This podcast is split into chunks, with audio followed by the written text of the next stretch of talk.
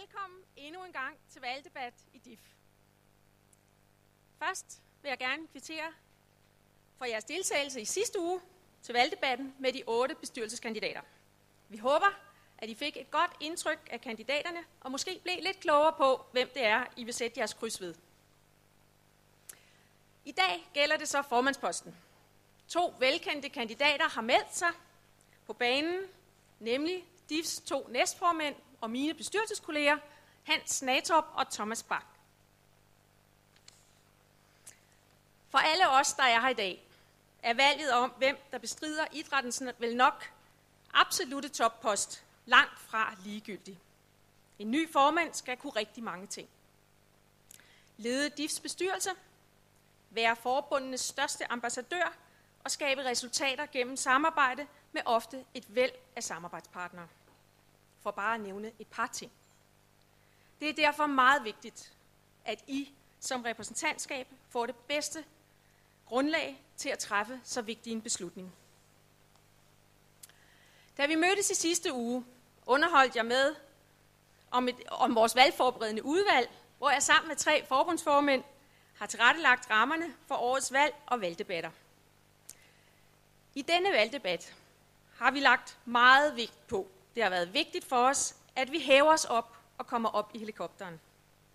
Vores mål med debatten i dag er, at I får et godt indtryk af kandidaternes syn på idrættens største udfordringer, hvilke visioner og mærkesager de hver især har for idrætten.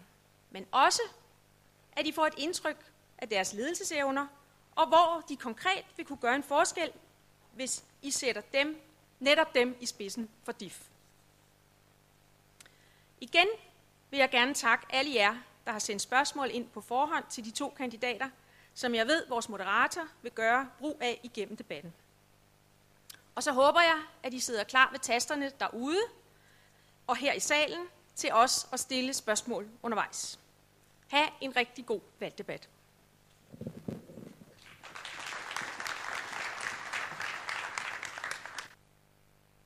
Tine, øh, tak det er mig, der har fået fornøjelsen af at lede øh, ikke bare den sidste debat, men også den her debat, og også den, øh, den aller sidste, som vi får den øh, 18. Juni. Jeg hedder Nønnebjerg Christensen, og jeg er journalist og skal få os godt igennem de næste timer, som jeg regner med bliver to, maksimalt øh, to og en halv time, så jeg regner med, at vi er færdige kvart over syv, senest øh, halv otte, og der er noget med en fodboldkamp, har jeg også fået at vide. Øh, hvilket betyder, at senere end halv otte øh, vil, øh, er der i hvert fald enkelte i, øh, i øh, tilhørskaren, der vil tabe opmærksomheden, og det kan vi jo ikke have. Stor skærm. Ja, altså, og så vil jeg nok vurdere, at det går helt galt. Så velkommen til alle jer, der sidder her i salen. Velkommen til jer, der kigger med derude på øh, streaming. Uh, både jer, der sidder her i salen, kan stille spørgsmål til, øh, til vores øh, debattører i dag, øh, men selvfølgelig også jer, der sidder derude. Og øh, lad mig lige forklare, hvordan I gør det ned under det skærmsignal, hvor I ser mig nu. Øh, der er et lille felt, hvor I udfylder jeres navn, og så skriver I jeres spørgsmål nedenunder. Så kommer de op her på iPad'en til mig, øh, og så øh, skal jeg nok vippe dem videre til, øh, til øh, kandidaterne. Jeg regner med, at vi sådan i første omgang prøver at køre to halvleje. Øh, I første omgang får I tre minutter til indledningsvis at sige, hvorfor I vil være øh, formand for DIF. Øh, og i den første halvleg, der kommer vi til at snakke om corona-comeback, altså nogle af de ting, som vi også talte om med, øh, med de menige kandidater sidste uge. Vi skal snakke om tilgangen til medlemmerne herunder digitalisering, og så skal vi snakke om samfundsindsatser og om, om de skal spille ligesom en stærkere rolle i at trække noget, øh, noget ansvar rent øh, civilt samfundsmæssigt. Så tager vi en pause halvvejs på cirka 10 minutter, og så har jeg tænkt mig, at vi i anden halvleg skal diskutere øh, forbundets stemme, hvordan bliver den hørt, det er jo dem, der er kunderne i butikken. Vi skal snakke om samarbejde med øh, DGI, og måske også den nye ledelse i øh, Team Danmark. Og så skal vi snakke om noget, som jeg jo ikke talt med de andre kandidater om, og det er nok fordi, det er især jer, der bliver fanen øh, der. Men altså det internationale samarbejde, de internationale øh, værdier, hvordan får vi brugt de, de skandinaviske, nordiske værdier ud i verden. Det kan godt være, det er hyldende naivt, øh, men det er ikke desto mindre det, der er formandens opgave blandt øh, meget andet. Og så runder vi af med til allersidst øh, tre minutter også øh, hvor I lige får lejlighed til at sige, hvorfor folk skal, skal stemme på jer. Øh, ligesom sidst sidder Astrid klar med klokken, så der er ikke øh, nogen, der får mere tid end andre, i hvert fald rent øh, indledningsmæssigt. Men øh, i forhold til spørgsmål vil jeg bare sige, at jeg regner med, at vi i første omgang kører nogle af de her runder igennem, som vi også gjorde sidst, og så isolerer vi ligesom spørgsmål fra salen og fra, øh, fra seerne til sidst. Så jeg har sat god tid af til det, så jeg er ret sikker på, at øh, og det vil være en kæmpe fordel for os, øh, hvis I byder ind, og, og jer, der sidder og kigger med derude, øh, derude byder ind, fordi det er ligesom øh, jer, der har, har skoene på og ved, hvor de trykker. Så, øh, så kom ind med spørgsmål til, til formændene. Det er nu, der er god tid til det. De er jo også med i den næste debat, men altså, hvis I vil prøve med at trykteste dem på, øh, på nogle områder, så kom med jeres spørgsmål, fordi det er, det er jer, der sidder med de konkrete udfordringer derude. Godt, men øh, det var egentlig de, øh, de indledende ord. Øh, skal vi ikke kaste os ud i det? Og Hans, jeg tænker, at du måske starter med de første tre minutter og fortæller os, hvorfor du vil være formand for DIF. Rigtig hjertelig velkommen alle sammen, og velkommen til kandidaterne. Tak for det, Nynne. Det er dejligt at se jer alle sammen i dag. Jeg har glædet mig rigtig meget til at stå her. Danmarks Idrætsforbund er en fantastisk organisation med kæmpe betydning for generationer af danskers trivsel. Og fundamentet for det hele er foreningsidrætten. Vi behøver ikke at bygge andre dagsordner oven på vores fællesskaber for at retfærdiggøre, retfærdiggøre vores glæde ved idrætten. De gode effekter kommer, når vi er sammen om idrætten, for idrættens egen skyld. Hvorfor? Fordi glæden, begejstringen og fællesskabet omkring idrætten er livskvalitet for utroligt mange mennesker. Og samtidig bliver vi sundere, dygtigere til at lede andre, bedre til at samarbejde. Jeg har været ude og lytte til jer, til foreningsledere, udøvere, atleter, trænere, forbundsledere, borgmestre, politikere lokalt og nationalt Og alle steder er begejstringen for foreningsidrætten en fællesnævner. Som formand for DIF vil det være min fornemmeste opgave at sikre foreningsidrætten de bedste muligheder for at udfolde sit potentiale til glæde for alle danskere og til gavn for hele samfundet. Jeg ser indsatsen i tre områder. DIF for specialforbundene, DIF for fællesskabet og DIF som det foretrukne valg. DIF er Specialforbundenes medlemsorganisation. Specialforbundene må aldrig få oplevelsen af at være til for DIF. Det er omvendt. Jeg hører jer klart og tydeligt. Vi skal have færre ord og mere handling. Mere direkte dialog mellem DIF og specialbestyrelse, specialforbunds bestyrelser. DIF er fællesskab, breddeidræt, eliteidræt, hele foreningsidrætten. Fællesskabet er båret af frivillige. Vi skal tage bedre vare på vores frivillige. DIF er også en interesseorganisation, landets største. Og vi skal være den foretrukne, det foretrukne valg som samarbejdspartner for andre samfundsaktører.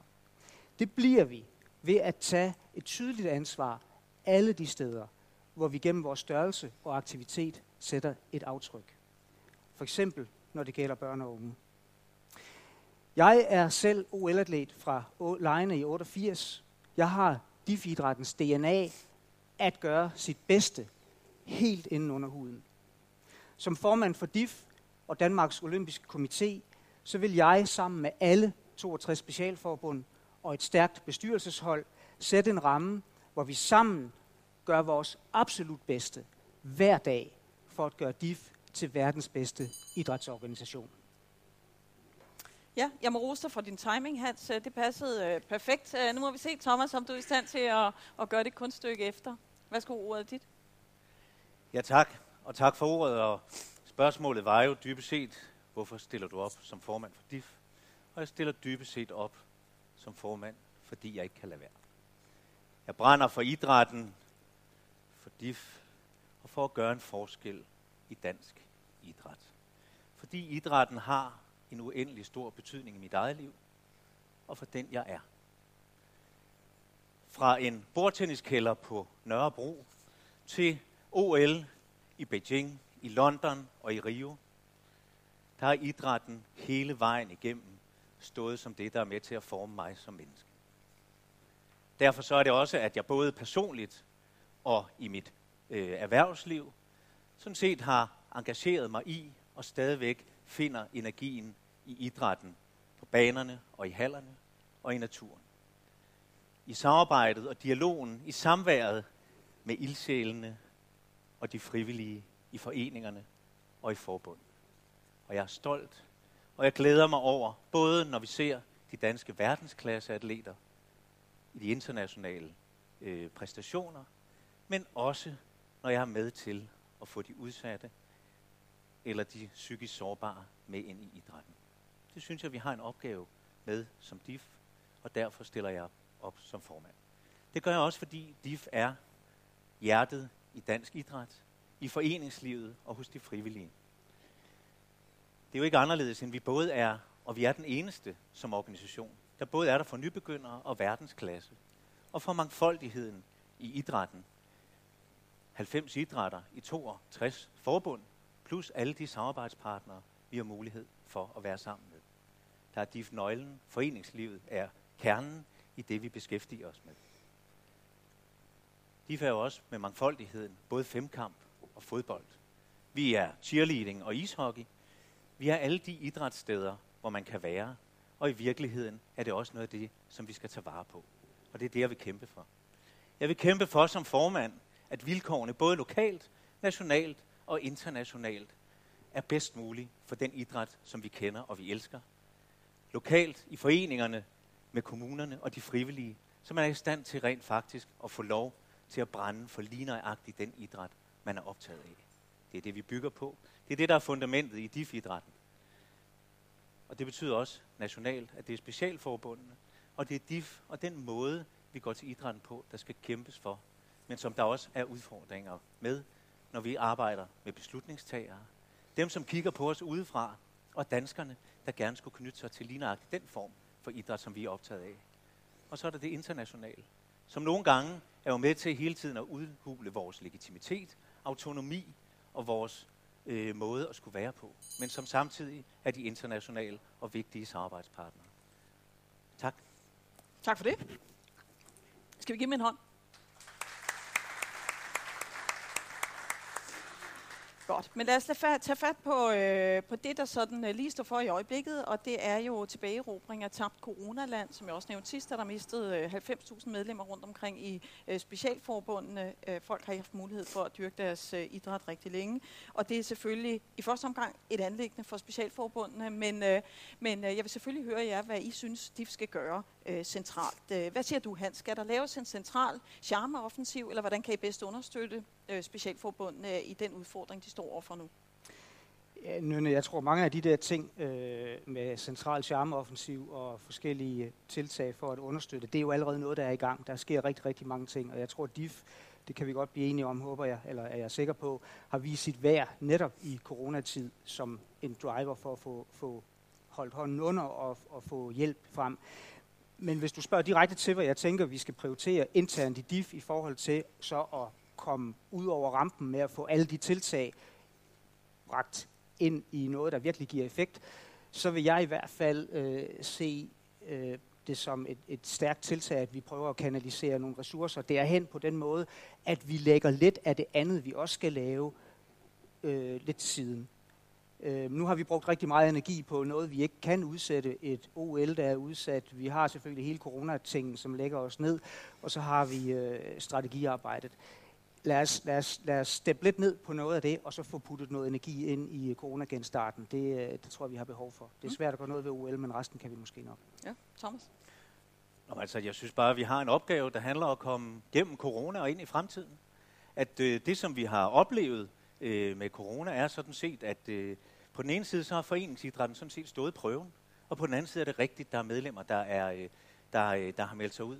Øh, for mig er det væsentligt, at øh, vi bliver opsøgende, at vi bliver engagerende i, hvordan får vi flere med? Hvordan er det, vi kan appellere til, at hvad hedder det, danskerne kommer tilbage og ind i fællesskaberne? De er godt på vej. Jeg tror ikke, vi skal underkende, at der er nogen, der har savnet det. Og det er en af vores vigtige opgaver. Jeg synes, det de har gjort godt, det er faktisk at være med til at støtte, at det har kunne lade sig gøre øh, selvom, vi har mistet, øh, selvom vi har mistet medlemmer. Og så er der et sted, som måske er der, hvor det er allervigtigst for mig at se. Det er faktisk, at vi får genmotiveret de frivillige, mm-hmm. dem som står ude på banerne, dem som er i hallerne, og som i virkeligheden er dem, der har kontakten med de mennesker, som vi skal have ind i, øh, i foreningen. Øh, det synes jeg er en, øh, en vigtig opgave for DIF, for specialforbundene, men i virkeligheden også i samarbejde med kommuner og andre, der også øh, er med os i kampen for at få flere danskere ind i idrætten. Det vi talte om ved den sidste debat, Thomas, det er det her med, altså, om det i virkeligheden mere af, af fællesskabet og nærværet med venner og de frivillige osv., og trænerne, øh, som, øh, som, som man skal ud og, og, øh, og, og minde folk om, øh, end det er, hvad skal jeg sige, øh, kernen i idrætten og det der forhold med at få svidt nogle øh, coronakilo af. Øh, hvad, hvad vej synes du, øh, specialforbundene skal gå der? Når vi spørger danskerne, og det gør vi jo i de store undersøgelser, vi laver blandt andet med øh, i øh, regi af Bevæger for Livet, så er der ingen tvivl om, at corona har flyttet noget på, hvorfor danskerne er i idrætten. Opfattelsen af, hvorfor de er der, er flyttet hen imod sundhed. Der er ingen tvivl om, det er en af de ting, som, øh, som vi kan konstatere, danskerne rent faktisk ser på sig selv, hvad der er sket for dem. Og det er en sundhed, som både handler om den fysiske sundhed og den mentale sundhed, Ja. og så handler det sådan set også om den sociale sammenhængskraft. Så det tror jeg, at de, øh, det er nøglerne til det. Og så må vi ikke glemme i den sammenhæng, at det er jo ikke én ting, der motiverer danskerne. Der er faktisk forskellige motiver til, hvorfor man er i idræt. For nogle er det sundheden. For nogle så er det faktisk for at dygtiggøre sig og konkurrencen. For nogle så er det fællesskabet. Mm. Øh, Og for øl no- bagefter. Hvad? Øllerne og bagefter. øllerne bagefter, eller undervejs i nogle idrætter. Øh, og for andre, så er det fordi, det bare er sjovt, og vi glædes ved det. Og det skal vi bruge alle de steps til rent faktisk at komme øh, få danskerne med ind i, øh, med ind i foreningsidrætten. Ja. Så tror jeg er vigtigt. Hans, du sagde uh, helt konkret, at du gerne vil være med til at allokere nogle midler, som jeg, som jeg forstod dig, uh, konkret til den her indsats. Hvad tænker du, de midler skal øremærkes Ikke midler, ressourcer. Hvad, Ja, hvad, hvad- hvad, hvad bruger du vi, hvor- hvad bruger ressourcer? vi vores tid på? Vi bruger Ja. vores tid på, øh, på noget, som måske er vigtigere på et senere tidspunkt, fordi andet er vigtigere lige nu. Ikke? Øhm, jeg kunne også godt tænke mig lige at koble lidt op på den her med, hvad det er, der driver os til at gå til idræt. Og jeg vil til enhver tid holde på, at øh, nu har vi haft, vi har 125 års jubilæum i Danmarks Idrætsforbund lige om et øjeblik. Øhm, fællesnævneren tværs igennem det, det har været foreningsidrætten, det har været det at have glæden ved at være sammen om at dyrke idræt. Jeg tror lige præcis i sådan en tid som den, vi har nu, der er det vigtigt at holde fast i, at det er det, der er kernen i det. Mhm. Og alt det andet, det sker som en god sideeffekt. Så jeg er jo enig med Thomas i, at der er fokus på, at vi også skal være sundere, og vi har, vi har en coronadagsorden, øh, der gør, at nu skal vi af med det dårlige humør, eller coronafedtet, eller andet. Ikke? Men hvis det er idræt, der løser det, så er det fordi, vi synes, det er fedt at dyrke idræt, så kommer det andet. Og det, for mig er det meget vigtigt at holde fast i den rækkefølge. Vi må bare ikke underkende, hvad danskerne siger, Hans. Danskerne siger jo bare til os, sundhed er vigtig for os. Det er derfor, vi godt vil bevæge os. Så kan det godt være, at vi selv synes, at øh, vi har en særlig opgave og en kerne, vi skal stå i. Det skal vi selvfølgelig også. Det er vores metode. Det er vores måde at gå til det på. Men hvis ikke også vi som DIF er omstillingsparate, hvis ikke også vi er klar til at sige, jamen der er faktisk også nogen, der har fundet nogle digitale fællesskaber. Mhm. Der er faktisk nogle måder, vi skal gøre anderledes, end vi hidtil har gjort. Så står vi her måske stadigvæk om 125 år og synes det, selvom danskerne er et andet sted. Så jeg er ikke uenig med dig i, at foreningerne selvfølgelig er det, som vi står på, og de værdier, som vi har med os. Vi skal bare også tage bestik af, at der er nogle andre drivkræfter end alene, at det er det, folk gerne vil. Men når jeg starter med det her, er det selvfølgelig fordi, det er højaktuelt ude i specialforbundene, men jo også fordi, der i det her tema slår nogle, øh, det her tema slår nogle andre temaer an, som ligesom er øh, stedsegrønne øh, problemstillinger her i, øh, i DIF. Øh, nogle evergreens, som handler om, øh, at man hen over tid typisk taber øh, unge lidt øh, ud af sporten, men at, jo, at der jo også er et tab til, øh, til, øh, til det selvarrangerede, til fitness osv. Øh, nu har vi snakket om fællesskab, men vi kan ikke tage for givet, at folk fremover faktisk er sådan nogen, der synes, at de skal øh, motionere i, øh, i øh, foreningsregi. Øh, og derfor vil jeg gerne lige om lidt øh, bevæge mig frem til det her medlemsbegreber, om vi skal redefinere, hvad det egentlig er for nogle værdier, der ligger, eller ikke nødvendigvis, hvad det er for nogle værdier, der ligger, men redefinere, hvad det er for nogle aktiviteter, der skal være i medlemsbegrebet.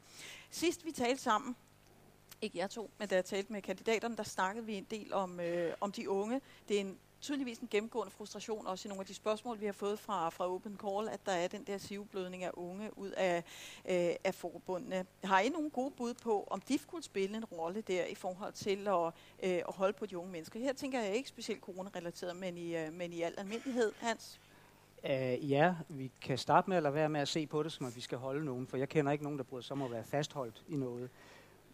Jeg synes, vi skal være øh, nysgerrige efter de fællesskaber, som ikke er i vores foreningsfællesskab, men de selvorganiserede eller ekofællesskaberne, hvor man melder sig ind helt alene i et kommercielt setup og har sin gang der, og det er vældig fint.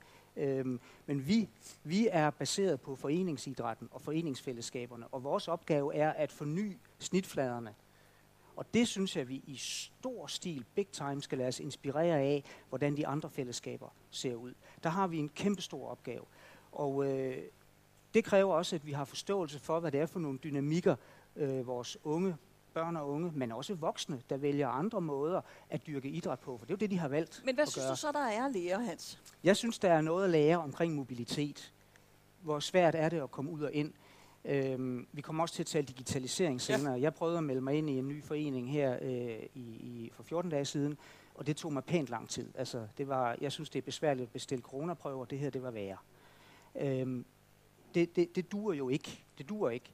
Vi er så langt bagefter i forhold til adgangen Ja. til de andre fællesskaber, som vi hele tiden taler om. Ikke? Altså, hvor man Vi måske skal- ikke har haft en adgang på et tidspunkt, hvor man måske var den eneste øh, idrætsudbyder ja. i byen, og den tid er forbi. Ja, altså det, det, den er jo forbi. Vi bliver nødt til at sørge for at få lavet nogle, nogle måder at være et fællesskab på, hvor vi ikke bliver oplevet som, at vi sidder med ryggen til verden og hovedet ind mod bålpladsen. Thomas, øh, hvad, altså skal vi til at redefinere medlemsbegrebet eller medlemsopfattelsen, eller se dem mere som kunder, eller lære af dem, der er kommercielle?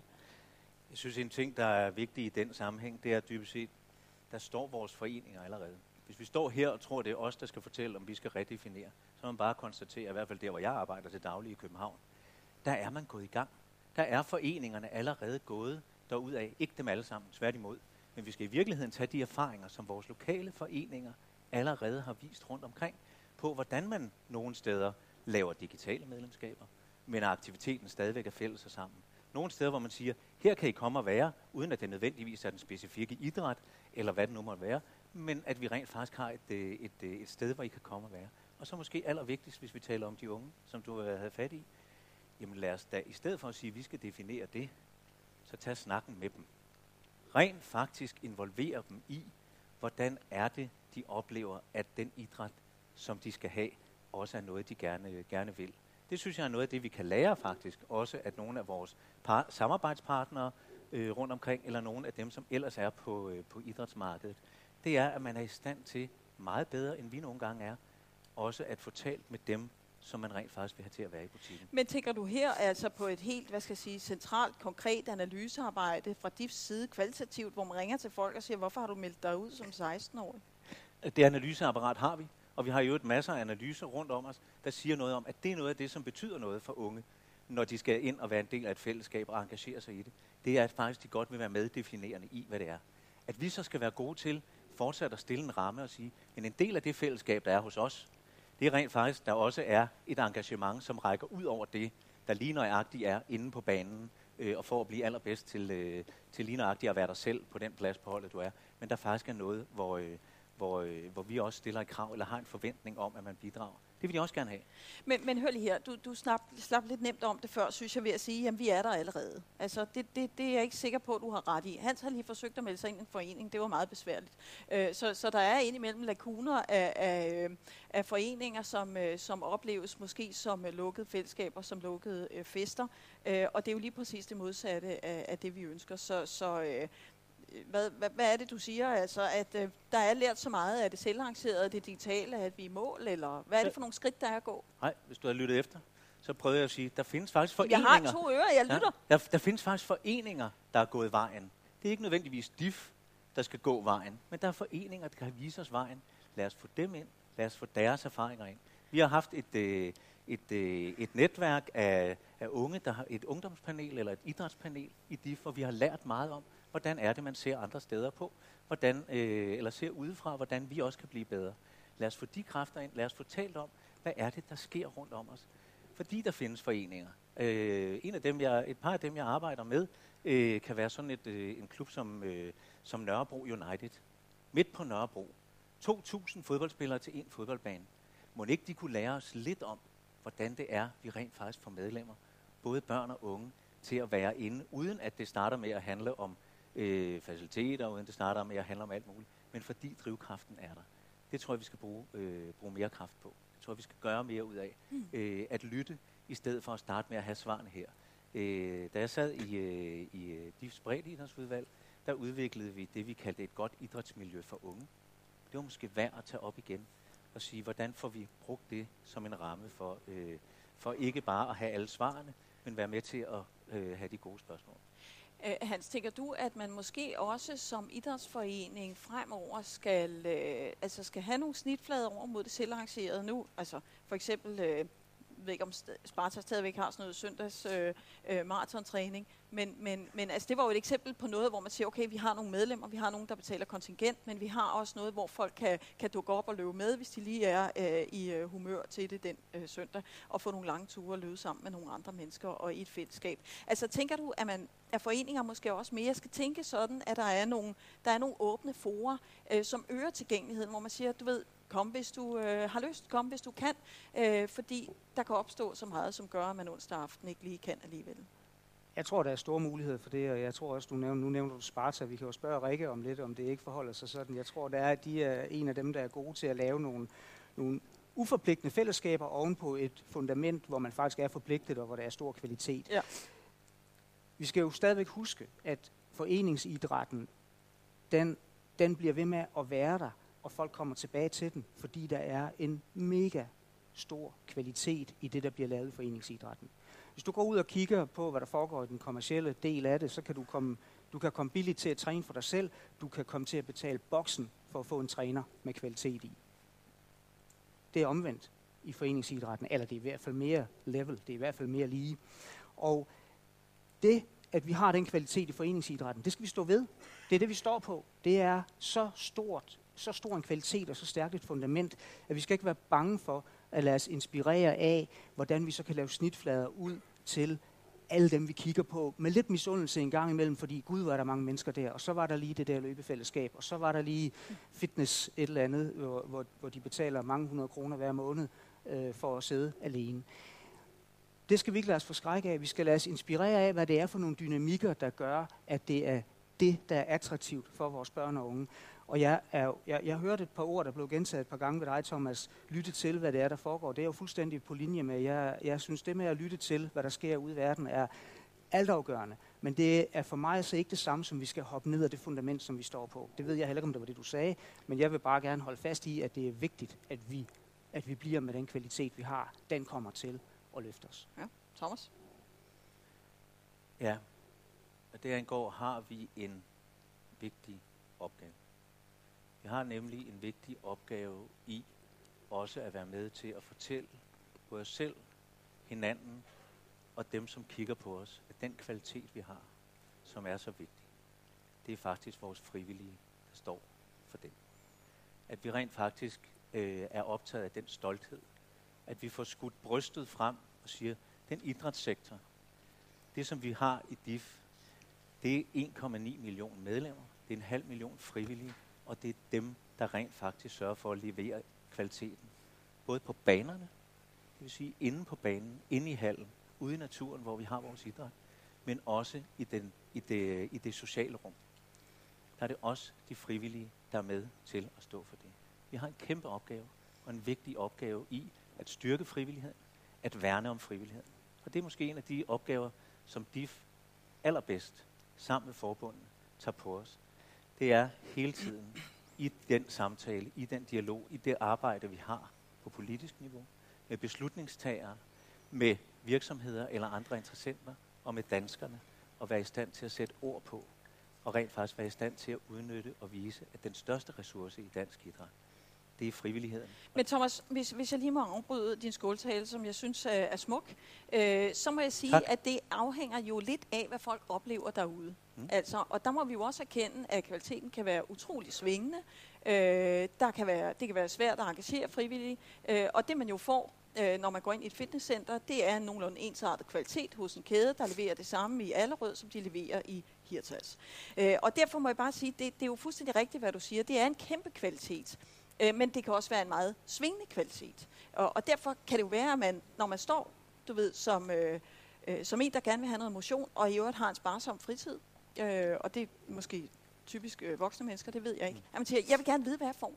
Ikke? Ja. Ja, altså, og, og der er jo ingen tvivl om, at der, hvor øh, frivilligheden jo for alvor har fat, det er jo i børne- og ungeidrætten. Det er der, vi har den store mængde af frivillige. Det er også der, vi har den store medlemsbase. Øh, og jeg vil i hvert fald være, jeg vil være ked af, hvis det du, øh, hvad hedder det, hensyder til, det var, at vi på samme måde, som man gør i nogle typer af kommersiel idræt, sådan bare lægger skabeloner ned over det tilbud, der måtte være. Jeg synes, vi har en opgave i at uddanne frivillige. Jeg synes, vi har en opgave i at stille krav, eller stille, øh, krav til, hvad er det, man skal kunne.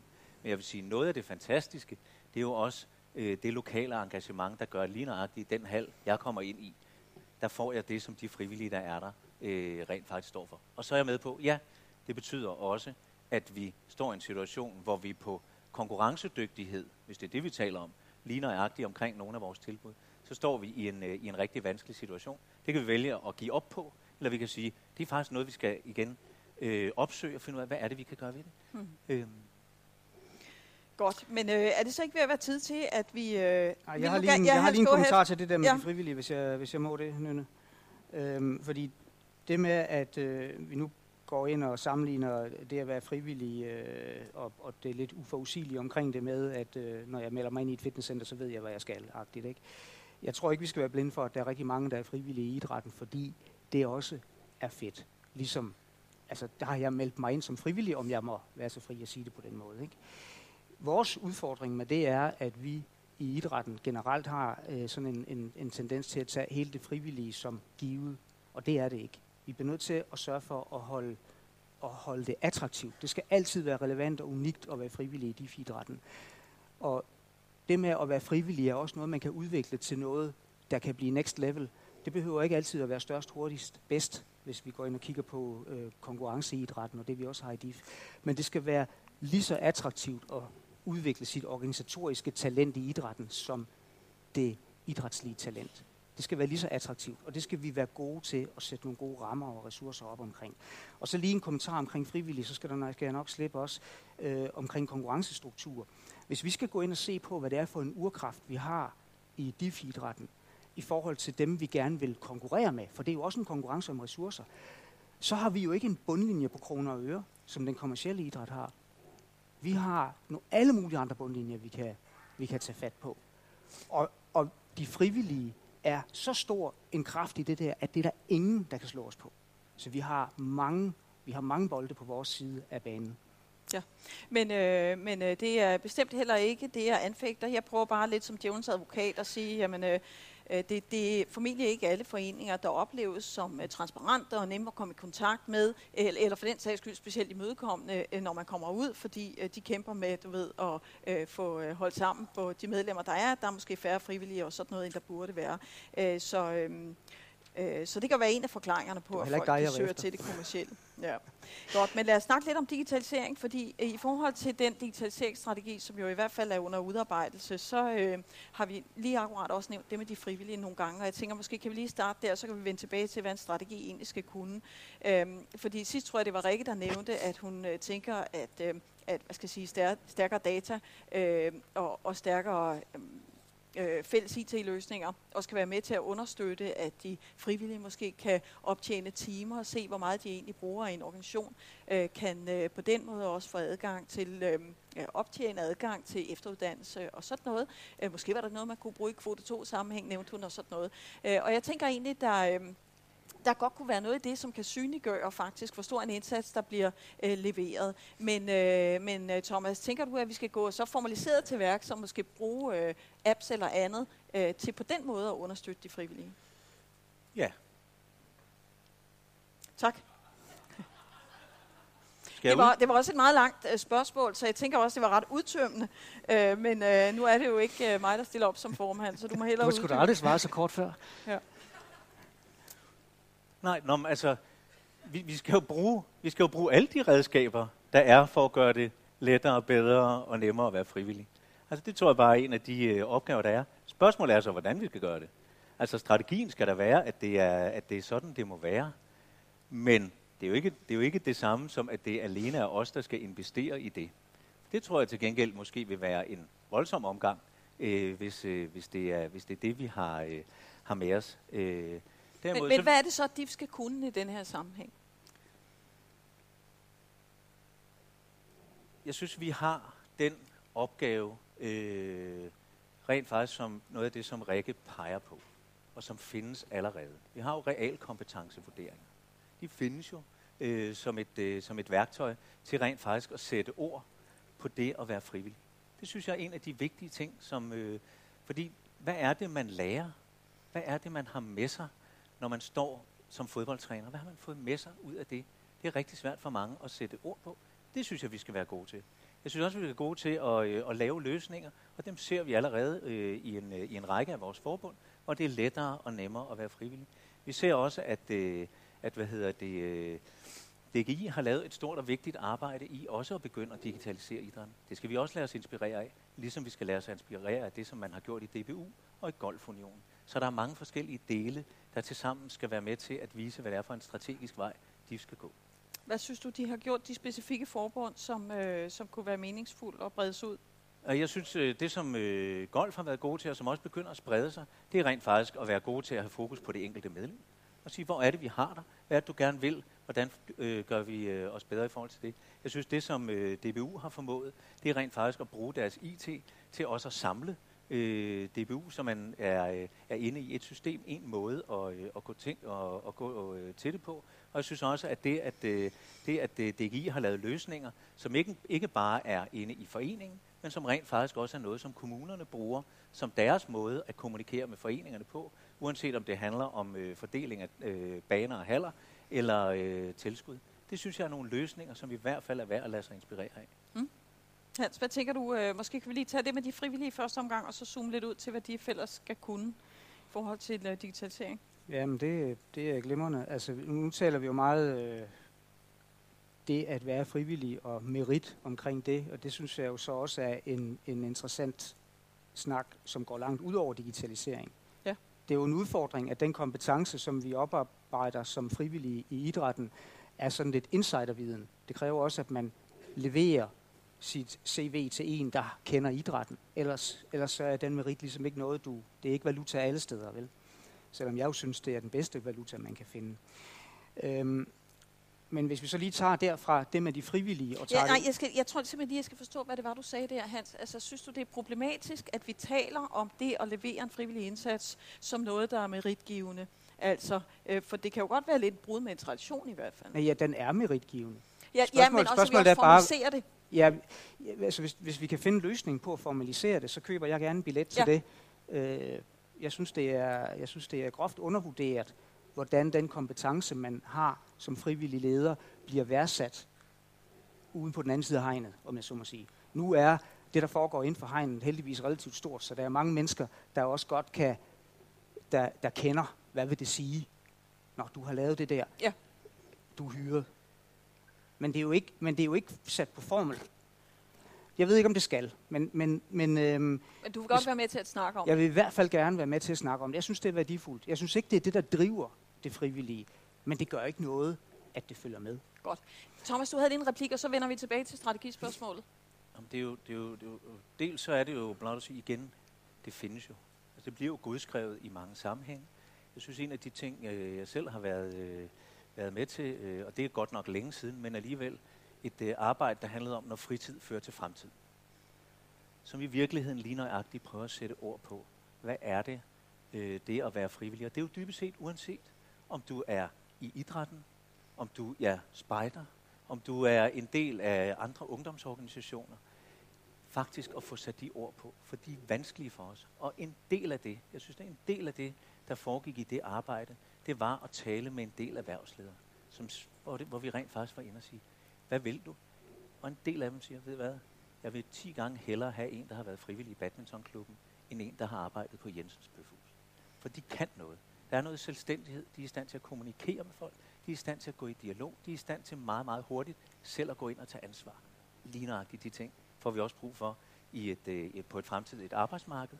Og derfor det, øh, som Hans også er inde på at sige, hvordan får vi investeret i frivillige, på en måde, så det rent faktisk også er noget, som bliver set andre steder som værdi. Ja. Det, det synes jeg faktisk er rigtig godt. Men jeg kan godt forstå den erhvervsleder, fordi man netop også investerer i andet end sig selv, og tænker på andet end sig selv i den proces, øh, frem for hvis man bare øh, nyttemaksimerer sin egen private økonomi i øh, Jensens Bøfhus. Hans, jeg snød dig lidt for, fordi jeg stillede dig også spørgsmålet om, hvad er det så, at DIF skal kunne i forbindelse med en digitaliseringsstrategi? Jeg synes, DIF skal kunne, DIF idrætten skal kunne leve op til den forventning, der er om, at øh, digitale tjenester er noget af den snitflade, som man som borger i samfundet forventer, der er til en moderne organisation, man gerne vil have en snitflade til, eller være en del af. Øh, og der må vi bare konstatere, at der er vi lige nu pænt langt bagud på, øh, på point på det. Øhm, men vi er jo også i gang. Altså, vi, vi er jo i gang med at udarbejde en digital strategi i forhold til at få lige præcis det emne adresseret. Øhm, og der er jo, altså det, det er simpelthen at få bygget et fundament under alle de andre ting, vi taler om her. Det her drejer sig ikke kun om de frivillige, det drejer sig om alle, der er engageret i idrætten. Øhm, og når vi har fat i det, så har vi også basis for at gå ind og kigge på vores forretningsmodel, skabe en anden kommersiel strategi for at skabe øh, en øget indtægt til DIF-idrætten. Vi har mulighed for at tage fat i det, som jeg nævnte tidligere med mobilitet. Øh, hvordan gør vi det enkelt at tage fat i de idrætstilbud, foreningstilbud, som man har brug for, uden at vi laver et byråkrati, ja undskyld, helvede ud af det mm. for foreningerne. Øh, vi kommer til at bygge en, en, en, en, en motor, som det hele kommer til at køre ovenpå. Og, men vi er ja. kun lige gået i gang med ja, det. men hvad, hvad skal den motor kunne? Fordi tidligere var der jo, under den tidligere debat, var der folk, der sagde, øh, du ved, øh, der er krav i forhold til øh, GDPR. Der er næppe mange derude, øh, som er blevet frivillige for at få lov til at sidde øh, hvad vi ejer, økonomistyre eller afstemme, eller der kan være administrationsomstændigheder, øh, øh, øh som gør, at, øh, at man tænker, okay, de her udfordringer sidder alle mulige andre specialforbund også med. Øh, så altså, hvor lavpraktisk skal de være? Skal man være med til at at udarbejde eller hjælpe specialforbundene til platforme, som, som, altså, som gør de her opgaver øh, nemmere. Thomas og så øh, Hans bagefter. Jeg synes allerede, at vi er øh, undervejs med det. Man kan sige, det kan virke som øh, lidt altmodisk, men i virkeligheden gik vi jo langt frem på banen, da vi begyndte at skabe nogle fælles økonomisystemer. Altså der, er vi jo, der, er vi jo, der tog vi jo et skridt for nogle år siden, så hvorfor skulle vi ikke også kunne være med til at tilbyde nogle digitale platforme sammen med specialforbundene, som er hurtige og lettere at have med at gøre. Jeg ved jo, at nogen er, nogen er jo allerede på vegne af, af forbundet i gang med at kontakte øh, store internationale virke, virksomheder med henblik på rent faktisk, at vi, øh, vi kan gøre det nemt, og vi kan gøre det gratis også at være en del af forbundet. Det synes jeg, der er værd at understøtte. Det synes jeg er nogle af de lavt hængende frugter i det, der hedder digitalisering. Ja. Der skal vi jo starte. Det skal vi jo kunne noget med. Og så kan vi godt svinge os op på den store klinge og lave digitaliseringsstrategier. Og en af de ting, jeg synes er en, en vigtig nøgle, som bliver vigtig for os at, at drøfte, og hvor øh, GDPR-spørgsmålet bliver ret interessant, det er jo den del, der handler om, hvor kunne det være rart for os nogle gange at have noget mere data på det, som vi rent faktisk gør. De medlemmer, som vi har, øh, og hvordan kan vi være med til at øh, rent faktisk at skræddersy nogle ting, eller vide noget mere om det. Hvad, hvad vil du gerne bruge de data til? Øhm, det, jeg, det jeg gerne vil bruge dem til, det er, at vi bliver endnu bedre til at se, hvor er det, vores medlemmer er. Hvad er det øh, for en bevægelsesmønster, de også har i idrætten? Øh, hvad er det for, øh, for ting, de er optaget af? Og hvordan kan vi være med til, øh, sammen med specialforbundet, eller i virkeligheden måske allermest specialforbundet og mindre DIF, til rent faktisk at lave nogle tilbud øh, sammen med foreningerne, der når øh, endnu bedre de, øh, de medlemmer, som vi har. Og så være også opmærksom på dem, som ikke er hos os. Mm. Øh, det synes jeg er vigtigt. Og så samtidig lige for at rykke tilbage til det fra før. Og så må vi heller ikke gøre det anderledes, end at vi godt ved, at i sidste ende, det der foregår ude på gulvet, ude i hallen, det baserer sig på de menneskelige relationer, der er der. Så vi kan godt bruge data, og vi kan også trykke nogle gode koncepter. Vi kan også en masse ting få det derud. Men der er selvfølgelig også nogle frivillige, der skal kunne bære det. Øh, og den balance skal vi have ramt i, øh, ramt i det. Ja.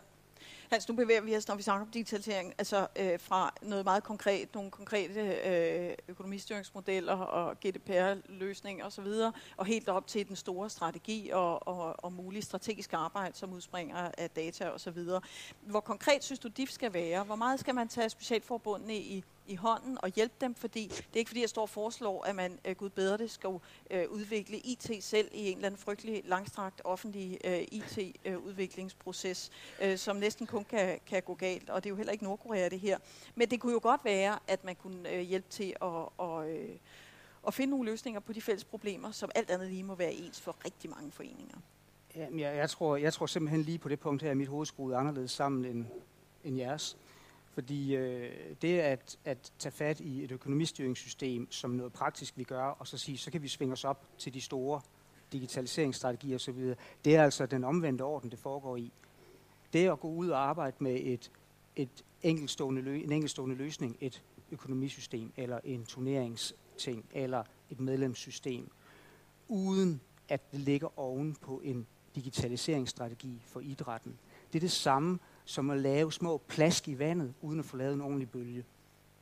Så digitaliseringsstrategi kommer først, og så laver vi de løsninger, som er ovenpå og digitaliseringsstrategien binder det hele sammen. Ja, Jamen, det er og ellers så kommer vi ud i de der helt håbløse øh, enkeltstående projekter, som vi så alligevel fortrød på et tidspunkt. Det er bare fordi, at når man snakker om, hvad der er visioner og hvad der er strategier, så kan det nogle gange blive så fluffigt, så, det, så vi taber fornemmelsen af, hvad betyder det her egentlig i praksis, og hvordan kan det konkret, når jeg sidder i en forening, hjælpe mig øh, på den lange bane, for at vi bliver enige mm. om nogle store, flotte linjer herinde i Idrætshus. Øh, det hjælper ikke nødvendigvis folk, så det er mere det med, hvad er det, de skal kunne?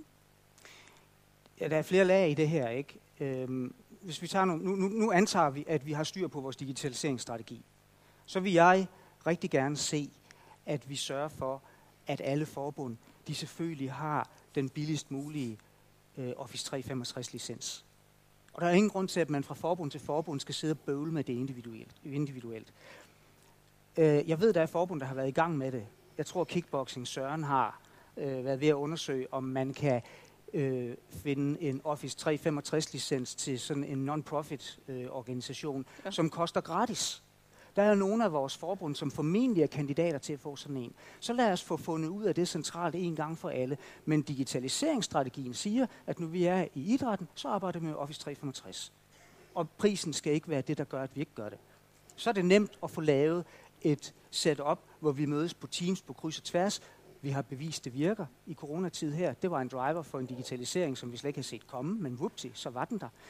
Øhm, vi kommer til at kunne tage andre sammenlignelige indsatser. Nu nævner du noget, som er meget, eller du gjorde, som er meget øh, juridisk øh, øh, funderet mere, end det ja. er GDPR, ikke? Ja. Men det er jo det samme. Der er ingen grund til, at der, at der er 32, 35, eller, eller 62 individuelle maskinrum, der tager sig af, hvordan vi håndterer GDPR. Det er altså det samme regelsæt. Så lad os i DIF-idrætten med de værktøjer, vi har, finde ud af, hvordan vi bedst muligt så håndterer den, så vi kan bruge vores frivillige tid på at lave idræt. Ja. Sidst nævnte Kenneth Plommer, som jeg øh, forstod sidder i, i det her digitaliseringsudvalg og leder arbejdet, at hvis vi så kommer lidt højere op på klingen, at vi så mod, var det Finland, Kenneth? Norge. Det var Norge. Øh, et andet skandinavisk eksempel på øh, på, på brug af data. Øh, og øh, det er sådan lidt fremtidsmusik, men skal vi ikke lige tage en, en runde på, om det er en fremtidsmusik, som vi synes om? Thomas? Jo, og det er jo et af afsættene for den digitaliseringsstrategi, som vi er undervejs med. Øh, så det er, jo det, det er jo en af de cases, vi kigger på. Jeg synes, det ville være fantastisk, hvis vi kunne have samme måde, som man gør det på i Norge, det, som vi skal øh, Der er investeret mange penge i det. Præcis, når det er, jeg skulle til at sige. Ja. Det er, at jeg vil gerne have løsningen, som de har i Norge. Men jeg vil dele med os, for at vi når derhen, finde ud af, hvad er det rent faktisk, det kan, og er det den investering, vi skal lægge ind, uden at de bliver øh, hvad hedder det, systemejere, nogen, der skal lave øh, noget af det, som vi ikke er gode til. Det er det, jeg har brug for i forhold til den øh, strategi, vi kigger på. Det er at kigge til Norge. Det er også at kigge til nogle af de forbund, jeg nævnte før, for at se, hvordan hænger de her ting, øh, ting sammen.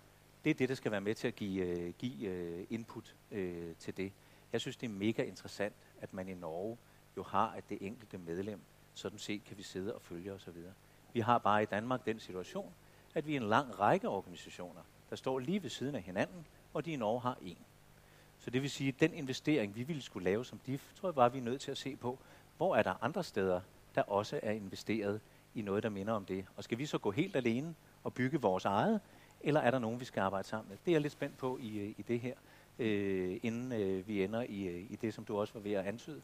Øh, nogle, nogle systemer, som vi prøver selv at bygge, uden at det er os, der kan det. Øh, og jeg skulle hilse at sige, når man har været borgerservicechef i en, øh, i en kommune, så har man både haft nogle systemer, som faktisk er fremragende, og det har været nemt, hurtigt og enkelt at få flyttet borgere over i, øh, i det, som øh, Hans havde fat i øh, som snitflader, og vi har i virkeligheden også bare kunne beslutte, at sådan ville vi have det. Så er der også nogle systemer, som det er temmelig bøvlet med, og hvor i øvrigt jeg ikke ville anbefale, at de gik ud og sagde til 1,9 millioner medlemmer i lov 1000 foreninger, nu skal I høre, nu er det kun det her system, der gælder. Ja. Hans, øh, også lige en refleksion over den, øh, den, den norske model. Der er et stykke vej dertil. Øh, de har brugt sindssygt mange penge på det. Hvad synes du, det kan, og er det noget, der er værd at overveje? Ja, de har brugt 10 år på det, så vidt jeg ved, øh, indtil nu. Ikke? Øh, jeg synes, det er en stor inspiration. Øh, men jeg vil hellere tage det ind i, en, øh, i den situation, vi er lige nu. Jeg tror, øh, nej, ikke noget. Jeg tror, jeg ved, at det hele det starter med, at vi har en stærk og tydelig strategi for digitalisering i DIF-idrætten. Det er i øvrigt også en god snitflade til at tage snakken med de andre organisationer, som Thomas nævner. Øhm, når vi ved, hvad vi vil, og hvad vi kan, og hvilket potentiale vi har, så er det meget nemmere at gå ind og tage fat i, et, øh, i en dialog med de andre. Og så må, vi, så må vi tage den derfra. Godt.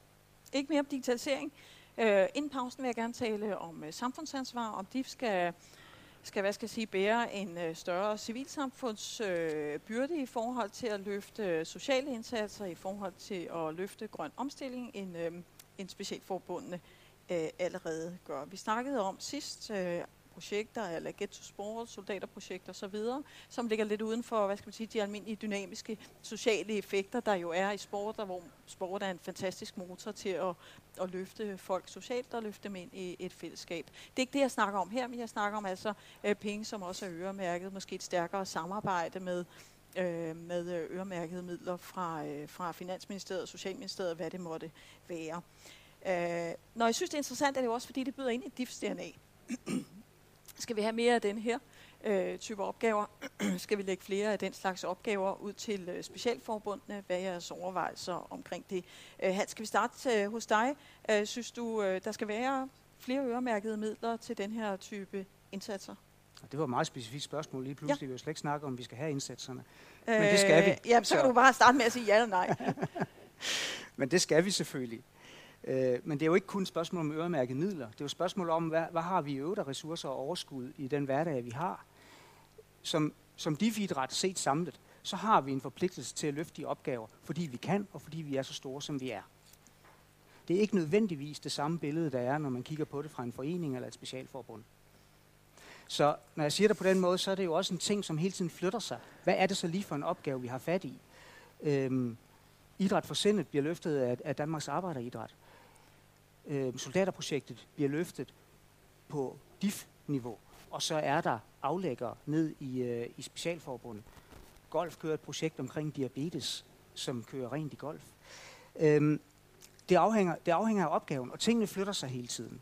Men det, som vi skal huske i den sammenhæng, der, det er, øh, som jeg også har sagt tidligere, vi, vi, vi får en positiv effekt, fordi vi gør med idrætten, hvad vi gør. Det er ikke omvendt. Så når vi går ud og laver et projekt, der har en samfundsgavnlig karakter, så er det fordi, det er et spin-off af noget, vi i forvejen gør ja. derude. Det er enormt vigtigt at holde fast i. Men det har vi også mange muligheder. Thomas, hvad tænker du? Øh, skal, vi, skal vi længere ned ad den her vej? Øh, og øh, og øh, i givet fald, øh, hvordan skal vi håndtere det? Vi skal længere ned ad den vej. Ikke som han siger, fordi det er en forpligtelse fordi jeg bare kan konstatere, at der er en del foreninger, der er rigtige mennesker ude i vores foreninger og i specialforbund, der rent faktisk har lyst. Og det synes jeg bare er afsættet igen for, at vi rent faktisk ser nogle mennesker, der rent faktisk har lyst til også at engagere sig i problemer, som rækker ud over ligneragtigt den, øh, den hvad hedder det, øh, det, der, øh, det, der tilfældigvis måtte, måtte være i foreningen. Med det angår vil jeg også starte der, hvor, øh, hvor Hans tog fat og sige, vi skal huske, at øh, i idrættens engagement, og det skal vi have respekt for. Der starter man sådan set med rent faktisk gerne at ville spille bordtennis, eller badminton, eller fodbold, eller hvad det nu måtte være. Men så ser vi jo bare, hvordan foreninger over hele landet sådan set formår at involvere, inkludere og medvirke til, at nogen, som ikke nødvendigvis kommer af sig selv, at der rent faktisk er plads til dem i idrætten. Det er det første led i det her.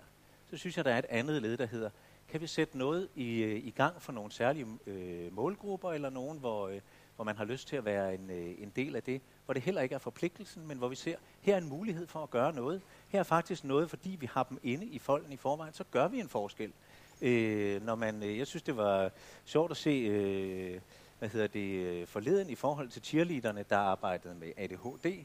Og jeg ved jo, at øh, lige i deres øh, samme forbund, så hvad hedder det, amerikansk fodbold, agerer med overvægtige. Jeg synes, de der, det siger der noget om. Der kan vi noget, og der gør vi noget. Og det er ikke, tror jeg, i første omgang startet som et projekt, der er tænkt, men fordi det er noget, hvor vi kan se, at de medlemmer, vi har, eller dem, som vi kan tiltrække, har faktisk noget, som de kan få hos os. Og så er der den tredje del, som bygger oven på det. Det er der, hvor vi siger, nu går vi ind og tager et særligt ansvar for nogle grupper i samfundet, der ikke kommer ind øh, i sig selv. Det er det, jeg selv har været med til øh, som formand i DRI, at sige, hvor vi jo øh, er startet som arbejderidræt og, prøver at få øh, arbejderne ind som nogle af dem, der øh, var uden for idræt. idrætsverdenen, rent faktisk at sige, det kunne vi måske ikke blive ved med, når vi var oppe i 90'erne eller i 0'erne og sige arbejderne. Nej, så skulle vi da til at omdefinere, hvad er det, vi rent faktisk var til for? Jamen det var jo blandt andet fortsat for at få nogle af dem ind, som ikke var, øh, var i idrætten. Det var jo et spørgsmål om at sige, dem som var arbejdsledige på det tidspunkt, skulle vi have dem ind. Det at starte senioridrætten, som i dag er ældreidrætten, det at tage fat i de boligsociale områder, det at tage fat i øh, idræt for sindet, var jo lige nøjagtig en måde at sige, vi omdefinerer, eller vi nytænker den måde, som vi ser os selv på som idrætsorganisation. Fra nogen, der havde fat i, øh, der startede med at have fat i nogle typer, der ikke var med øh, i idrætten, til at omdefinere det på noget andet. Det er jo ikke fordi, det var for projektets skyld. Det var ikke fordi, der var øh, penge i det, men fordi der rigtig, rent faktisk var en, et drive og en lyst til at vise idrætten på en ny måde. Det skal vi blive ved med. Og jeg tror, men vi har masser af energi og engagement i det, men det er klart, at der er en finansieringsmæssig element i det, øh, som var det, du pegede på. Er det det, vi skal bruge, den øh, økonomi, vi får til øh, fra, øh, fra øh, hvad hedder det, udløjningsmidlerne, eller er det i virkeligheden noget, vi skal gå et andet sted hen med? Vi finansierer jo allerede noget af de her via udløjningsmidlerne. Jeg synes, vi bruger for meget tid på at sidde og tale om, hvordan fordeler vi pengene internt mellem DIFs øh, specialforbund. I stedet skal vi da bruge tiden og kræfterne på at sige, nogle af de ting, vi gerne vil, det er dem, vi skal ud og være en aktiv partner sammen med specialforbundene. Gå sammen med dem til fonde, ja. gå sammen med dem til ministerier, eller der, hvor øh, langt den største del af økonomien til idrætten ligger, nemlig ude i kommunerne, rent faktisk sige, her har vi nogle steder, som har nogle opgaver, eller som har nogle ting, som vi kan tappe ind i. Der synes jeg, at de har en rolle, sammen med specialforbundet, sammen med de foreninger, der kan og vil. Det er cirka 10 procent, der siger, at det vil vi. Resten skal der have lov til at spille petanque. Resten skal der have lov til at lave badminton. Resten skal der have lov til at kano kajak, lige nøjagtigt på den måde, som de hidtil har gjort. Præcis, og så er fordi, de sociale for, effekter der alligevel. Ja, fordi altså, jeg synes jo, det, vi, vi skal lige skyde os ind på, hvad det er, vi taler om, fordi der vil helt givet være store lokale variationer i det her. Der vil være nogle store forbund, der vil være nogle store sportsklubber, som er ekstremt stærke i det her, som har en stor motor, og som, øh, som kan finde de rigtige frivillige, som har frivillige at vælge imellem. Så vil det være mindre forbund, som vil have have vanskeligere ved at, at løse den her opgave, og hvor der givetvis også vil være en række frivillige, der siger, jamen altså, vi er gået ind i det for kerneidrætten, øh, og vi, øh, vi har ikke lyst til at være socialpædagoger, fordi så var vi blevet øh, socialpædagoger. Øh, jeg, jeg refererede... sige en ting? Det ja. der, det handler faktisk ikke om, hvor store forbundene er. Tag ikke fejl af. Altså, det er jo ikke forbundets størrelse, der er afgørende for, om man synes, man har øh, ressourcerne rent frivilligt med til at engagere sig noget mere. Det handler jo dybest set om, hvem er det, man kan se for sig som nye medlemmer, for eksempel? Eller hvem er det, der rent faktisk er nogen, man appellerer til? Der er små forbund, der er super gode og tager noget rigtig godt initiativ og engagement på det her. Der er kæmpe store forbund, som også gør det. Og så er der, dem, øh, og så er der både store og små, som siger, lige nøjagtigt for os, der er kernevirksomheden altså, og det bliver det ved med at være. Det bliver ro ude på Bagsværsø. Super godt. Det er jo det, de skal gøre. Men, øh, men, men det er ikke et spørgsmål om størrelse. Det her det er rent faktisk et spørgsmål om, hvor er det, man har sit uh, blik hen. Og der har vi, vi som DIF en opgave i lige nøjagtigt at være i dialog med hver enkelt forbund og sige, hvor er det jeres potentiale er. Ja. Hvor er det, vi skal gå hånd i hånd hen til nogen, der kan være med til at finansiere det, hvis der er brug Men I siger begge to, at det, er, at det skal vi have mere af. Man kan også vælge at se det sådan, at det er væk fra kerneopgaven. Altså, altså Hans, at få flere ind i idræt? Nej, Nå. og løse konkrete sociale indsatser for indvandrere, for hjemløse, for overvægtige, for veteraner. Øhm, jeg henviser her til en undersøgelse, som DIF laver i 19, 22, øh, 2250 besvarelser. 60 procent mener, at de har et ansvar for at bidrage til et bedre klima, men der er altså kun 33 procent, der mener, at det er vigtigt at have et særligt tilbud til sociale øh, udsatte, så må der jo, hvis jeg kan regne, være 66 procent, der ikke synes det. Hvor ved I fra, Hans, at foreningerne derude faktisk er med på det her, som jo meget nemt kan blive en skoletalerambition? Jamen, det er jo ikke en skoletaleambition, fordi vi gør jo faktisk nogle ting, som er helt unikke. Nu snakker vi om, at vi skal have så- mere eller mindre Ja, ja, det, vi, vi, vi, vi, vi skal have mere, fordi det giver sig selv. Det giver sig selv, fordi vi er jo en organisation med to millioner medlemmer næsten, når vi tæller hele paraplyen med.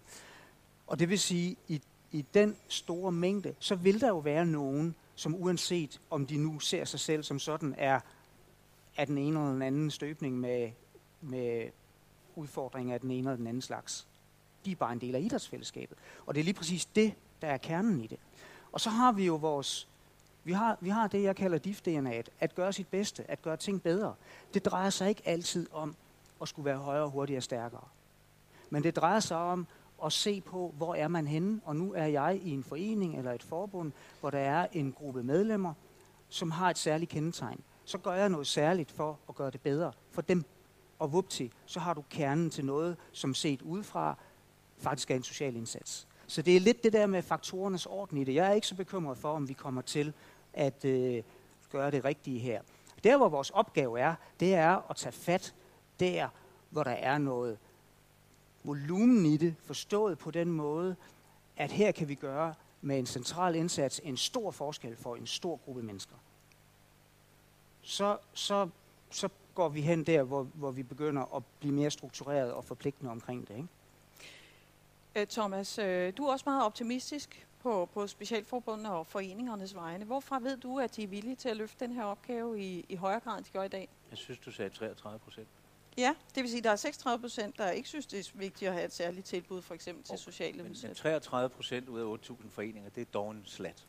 Altså, jeg, jeg tænker, at det er der, øh, og du siger det selv. Så kan det godt være, at der er flere, der ikke vil, og det synes jeg, der er fair. Altså, jeg synes, at det er helt fair, at man som badmintonklub, eller som, øh, som øh, kanoklub siger, vores opgave er i første omgang at være t- til stede og til rådighed for de medlemmer, der er der. At der så er 33 procent af foreningerne i Danmark, der siger, vi synes faktisk, at vi godt vil bidrage noget mere. Det synes jeg, der er imponerende. Øh, jeg synes, at det er godt, og det er der et godt grundlag for at sige, hvad er det så, de gerne vil? Fordi det er måske den anden del af det. Der tror jeg, at vi, øh, vi skal, som sagt, dels tage dem i hånden der, hvor det er, og så tror jeg, at vi har en opgave, øh, der handler om, hvordan er det vores foreninger i den sammenhæng, og at vi er med til, som de for specialforbund, at blive stærke til også at bringe vores foreningers vilkår og det, de gerne vil, sammen med kommunerne. Altså helt lokalt, og ikke nødvendigvis store projekter, der er defineret i en finanslov eller i det her hus, men at være med til at sige, der er faktisk helt lokalt nogle ting, som vi gerne vil. Øh, vi har øh, i dag etableret øh, samarbejde med 25 visionskommuner i regi af Bevæger for Livet, som sådan set er lige nøjagtigt der, hvor vi siger til specialforbund og kommunerne, vi havde et speed dating arrangement øh, for ikke så længe siden, hvor 32, hvad hedder det, øh, forbund og 30 kommuner satte sig sammen og mødte hinanden og speeddatede og fandt ud af, hvor har vi noget fælles, vi gerne vil. Og nogle af de indsatser, nogle af de konkrete ting, nogle af de anden dates, der er kommet ud af det, handler lige nøjagtigt om dem, der ikke kommer i idrætten af sig selv. Det at være ude og øh, lave idræt med, øh, med seniorer, det at øh, tage et særligt ansvar for øh, psykisk sårbare, det at øh, gå ind på skoler og, øh, og, øh, og agere sammen med overvægtige, øh, overvægtige børn, øh, eller det at øh, stille sig til rådighed i forhold til, hvordan integrerer vi eller inkluderer vi nogle af dem, der ellers ikke kommer i idrætsfællesskaber. Mm. De ting er der, men det er ikke nødvendigvis noget, der skal tænkes øh, i en finanslov eller i det her hus, Okay. men meget mere, at vi er med derude. Lad os lige tage en sidste runde, inden vi tager nogle spørgsmål fra salen og fra, øh, fra seerne øh, om øh, det her med økonomien, fordi der ligger vel også, nu skal vi lidt senere snakke om det her med forbundets stemme, det er dem, der skal, øh, skal bestemme, hvem af jer, der skal, skal vinde. Der ligger vel også en interessant diskussion i, i bestyrelsen og i, øh, i jeres øh, formandskab om, hvor styrende de skal være i forhold til forbund, og også rent økonomisk. Altså, øh, skal, man, skal man være med til at lægge politiske forventninger til de for herunder også specialforbundene ned over øh, forbundene, og, og dermed også ned over deres økonomi, altså øremærke flere af deres midler til, øh, til den her typer opgaver. Hans, vil du starte? Du, du får det til at lyde som om DIF er sådan en maskine, der stopper noget ned oven på forbundene. Men det er jo altså forbundene, der er DIF. Ja, Så, det er så når, når vi går ud øh, i fællesskab, og vi, det er alle specialforbund samlet i DIF-idrætten, går ud og laver et nyt politisk program, så er det noget, vi har lavet sammen i en proces, hvor vi har nogle demokratiske strukturer og sætter nogle mennesker til at gøre noget, og vi tager det ind i vores repræsentantskab, og vi stemmer om det. Det er jo ikke sådan, at der sidder en DIF-diktator og siger, at det er sådan, det skal være. Så Det kan vi jo lige tage senere hen, når Så- forbundets stemme bliver øh, hørt. det, det, det, må, det må vi gøre så. Øhm, så. Så vi går jo ind i fællesskab og kigger på, hvordan anvender vi vores ressourcer bedst. Og fuldstændig ligesom jeg er meget tilhænger af, at inden vi går ud og investerer i det ene eller andet IT-system, så har vi en strategi for, hvad vi vil med det her. Så har vi jo også en strategi for, hvad vi vil, hvad vi vil med vores ressourcer og med vores organisation, inden vi beslutter os for, hvordan vi så i fællesskab skal agere for at gå derhen. Ja, Thomas, øh, nu har Hans jo i nogen grad udvandet mit spørgsmål, fordi det er slet ikke sådan, de agerer, har jeg fået at vide, men altså, okay, øh, den økonomiske fordelingsnøgle, altså skal man i højere grad øh, øremærke en større del af, af, af tilskuddet til specialforbundene til de her øh, konkrete sociale, for eksempel opgaver? Nej.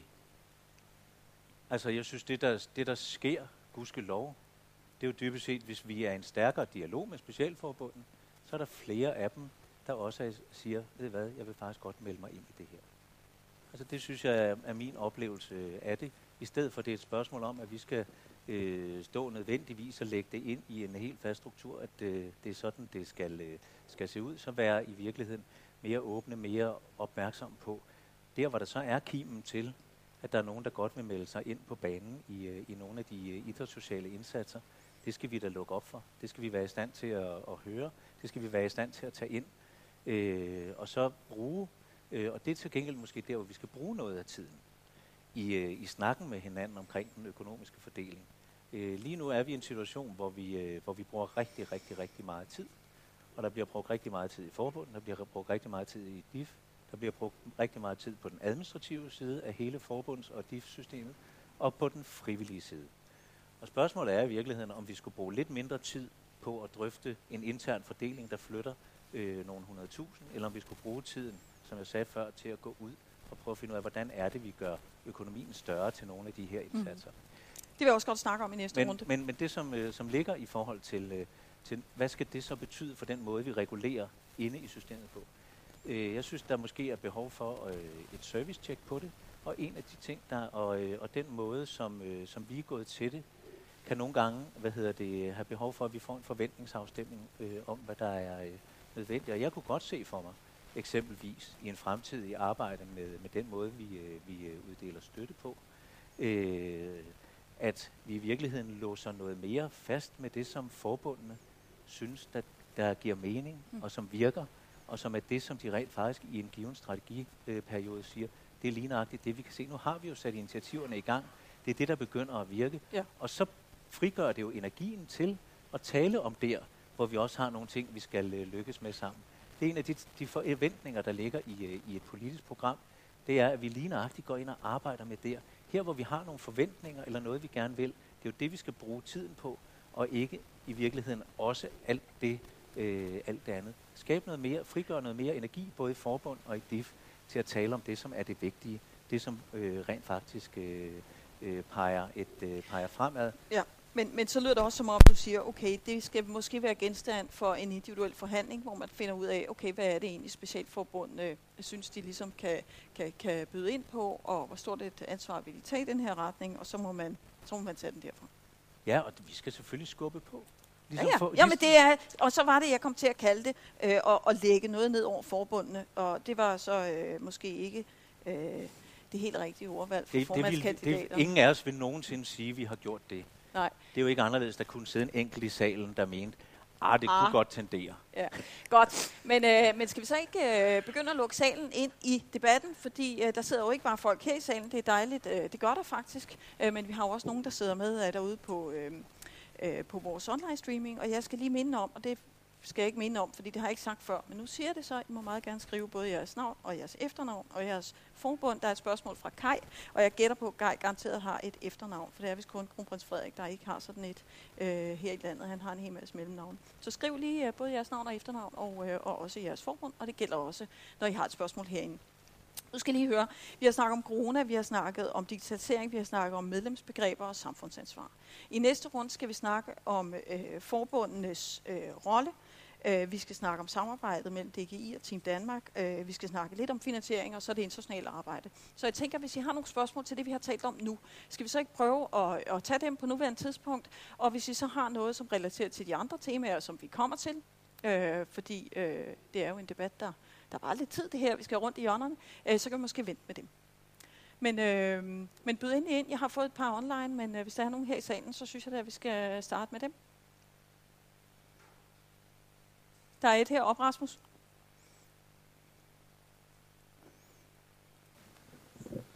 Jamen, det er sådan mere et generelt spørgsmål. Vi har hørt rigtig mange ord. Meget lidt handlingsplan. Men når vi nu kommer frem til, det har jeg i hvert fald regnet ud, en af jer bliver ikke formand. Er det ikke skabt?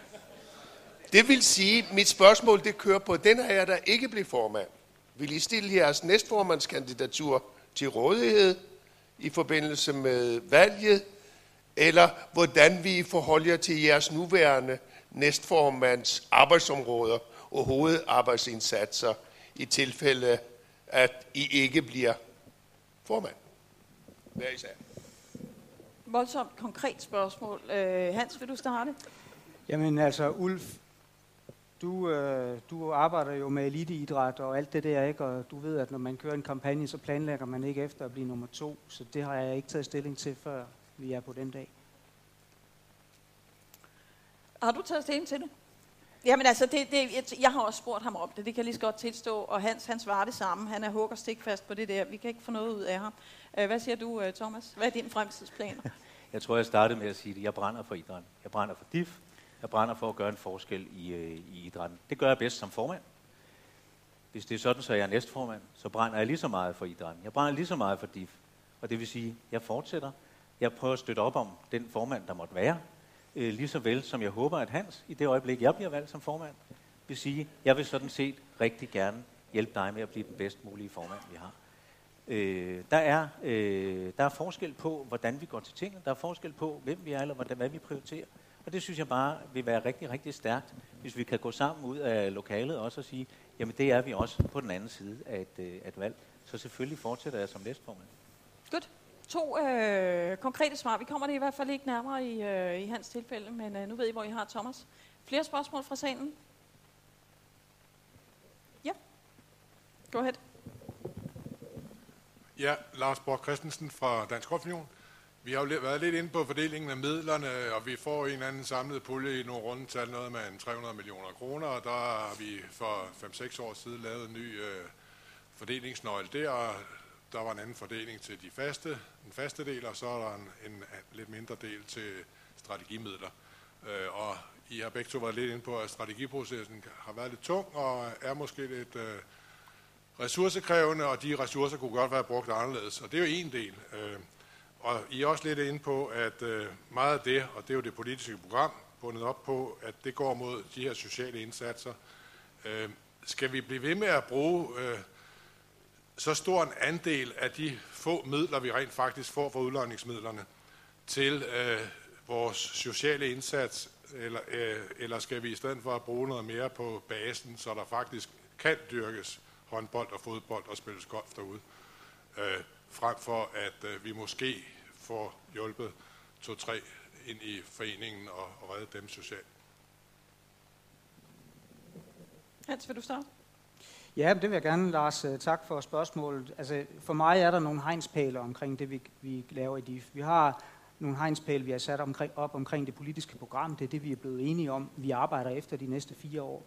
Vi har også nogle hegnspæle i forhold til metoden omkring at fordele ressourcer, den økonomiske støttestruktur, som vi lavede, øh, som vi vedtog i 2016, så det er kun anden runde, vi kører på det nu her. Det, det, det, er, det er inden for det hegn, vi arbejder. Øhm, jeg synes, det politiske program er rigtig, rigtig godt. Du udfordrer lidt omkring de sociale indsatser. Øhm, jeg, jeg er ikke lige helt på, om, om, om du synes, at I bruger for meget krudt på det i golf af en eller anden årsag, øh, for at, at få goodwill et andet sted. Jeg synes ikke, det er sådan, det bør være i hvert fald. Så har vi i hvert fald noget, vi skal have talt om i den sammenhæng, fordi det, det, det, det er ikke meningen med det. Øhm, jeg synes, at øh, den økonomiske støttestruktur er markant meget bedre og mere givende for de retten end den gamle fordelingsnøgle var. Men processen i forhold til, hvordan vi arbejder med den, kunne godt gøres lidt mere lignagtigt. Den trænger til et, øh, en, en grundig evaluering, når vi nu er kommet igennem runde to, i forhold til, hvordan vi, kan vi gøre det her nemmere næste gang. Thomas? Jeg synes øh, i virkeligheden en af de, øh, de vigtige ting, som, som er i det, jeg synes ikke, vi laver sociale indsatser for goodwill. Jeg synes, vi gør det, fordi der er noget, vi gerne vil. Øh, og når Lars han spørger øh, i forhold til, øh, om noget af den økonomi, vi sætter af til de sociale indsatser, om den skal være mindre, så tror jeg, man skal starte med at konstatere en del af de særlige sociale projekter, som vi har med at gøre. Og nu taler jeg ikke om den del, der handler om den sociale indsats, der sker hver dag i forbundet, og det der bliver lavet.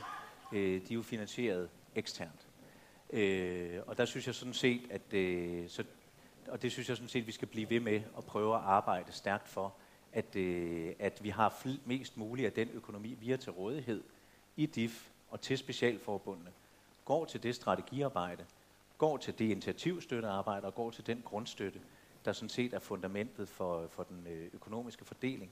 Og den, noget af det, som vi skal være gode til sammen, det er, at når vi har nogle øh, indsatser, som vi gerne vil, eller hvor nogen siger, kunne I hjælpe os med at løfte den her opgave, at vi også går i partnerskab og i samarbejde øh, med eksterne, der er, der er med til at, øh, at løfte det, når vi er henne på den bane, hvor det er nogle sociale indsatser, der ligger ud over det, som foreningerne naturligt gør af sig selv, mm. eller det, som man som forbund siger, det vil vi godt lægge ind i vores øh, strategiske arbejde. Mm. Tak. Rikke? Øhm, jo, jeg skulle bare høre, for nylig så er der sådan et øh, ungepanel, som har fremlagt nogle anbefalinger i forhold til, hvordan vi bedst kan hjælpe de unge øh, gennem hele den her coronatid. Og et af de forslag, det er jo blandt andet sådan et fripas øh, til foreningsaktiviteter. Og der vil jeg bare høre, om, om det er noget, altså om I forestiller jer, at, at det kunne lade sig gøre, og om DIF øh, er, tænker med i forhold til, til det forslag. Jeg synes, det er en genial idé. Hvordan vil du være med til at understøtte den her? Ja, det ved jeg godt, at du vil spørge mig om nu, ikke? Øhm, jeg vil ønske, at vi var bare fem år længere fremme med vores digitale strategi mm. og vores grundlag for at arbejde med den mere mobile tilgang til at være, være, være en del af foreningsidrætten. Ikke? Vi står med en praktisk udfordring på det der, Rikke. Men det ændrer ikke på, at det er en super god idé. Så. Thomas? Jeg tror, man skal, hvis man skal skabe, eller min erfaring, vil jeg sige, øh, fra arbejdet med fripasordninger forskellige steder, øh, det er i virkeligheden, at dem, der fungerer bedst, det er der, hvor det er foreningen, man støtter, og ikke den enkelte. Og det handler i virkeligheden om den gensidige forpligtelse, der ligger mellem foreningen og medlemmen. Så det rent faktisk er foreningen, der er i stand til at sige, her er det fripasset øh, giver, øh, giver bedst mening, så det er ikke bare et spørgsmål om, at vi betaler for alle øh, for det, som vi talte om før, der handlede om, hvad er det for et tilbud, vi rent faktisk øh, udvikler. Så jeg vil sige, en, øh, en, øh, en fripasordning øh, for unge, synes jeg i virkeligheden skulle handle om, hvordan er det foreningerne øh, bliver bedre til at kunne få endnu flere ind. Godt. Så kommer vi tættere på La- en løsning. Ja, lad os lige spørge, øh, var jeg lige sige, sige det, det digitale univers, vi har, fordi vi har også nogle spørgsmål fra, øh, øh, fra øh, online-folket, som ligger lidt i relation til det her. Det er Leif Meitilberg fra Dansk Minigolf Union, der spørger, hvordan får vi understøttet foreninger med sociale miljøer, så de unge ikke bare dropper idrætsforeningerne, når de bliver store nok til, at skoleskift hiver dem ud af, af hverdagen. Og spørgsmålet ligger der i vel i virkeligheden, at, at øh, ja, vi har snakket om det tidligere, det her med at holde på teenager og folk, der bliver øh, lidt ældre, at det i virkeligheden skal ligge i det, øh, i det sociale arbejde, i fællesskabet, mere end nødvendigvis i det strengt idrætsfaglige. Øh, der er en interesse for det derude, øh, så lad os lige tage den nu, hvor vi, vi taler om at holde de unge i butikken. Hans? Jamen, jeg, jeg bryder mig stadigvæk ikke omkring det, om det begreb med at holde på noget. Så for mig drejer det sig om at få skabt de miljøer, der er så attraktive, at det er der, man er. Øhm, og det betyder måske også, at vi skal omfavne noget, som vi ellers ikke ser som kernen af det, vi beskæftiger os med. Vi har haft en lang diskussion omkring e-sport. Skal vi beskæftige os med e-sport?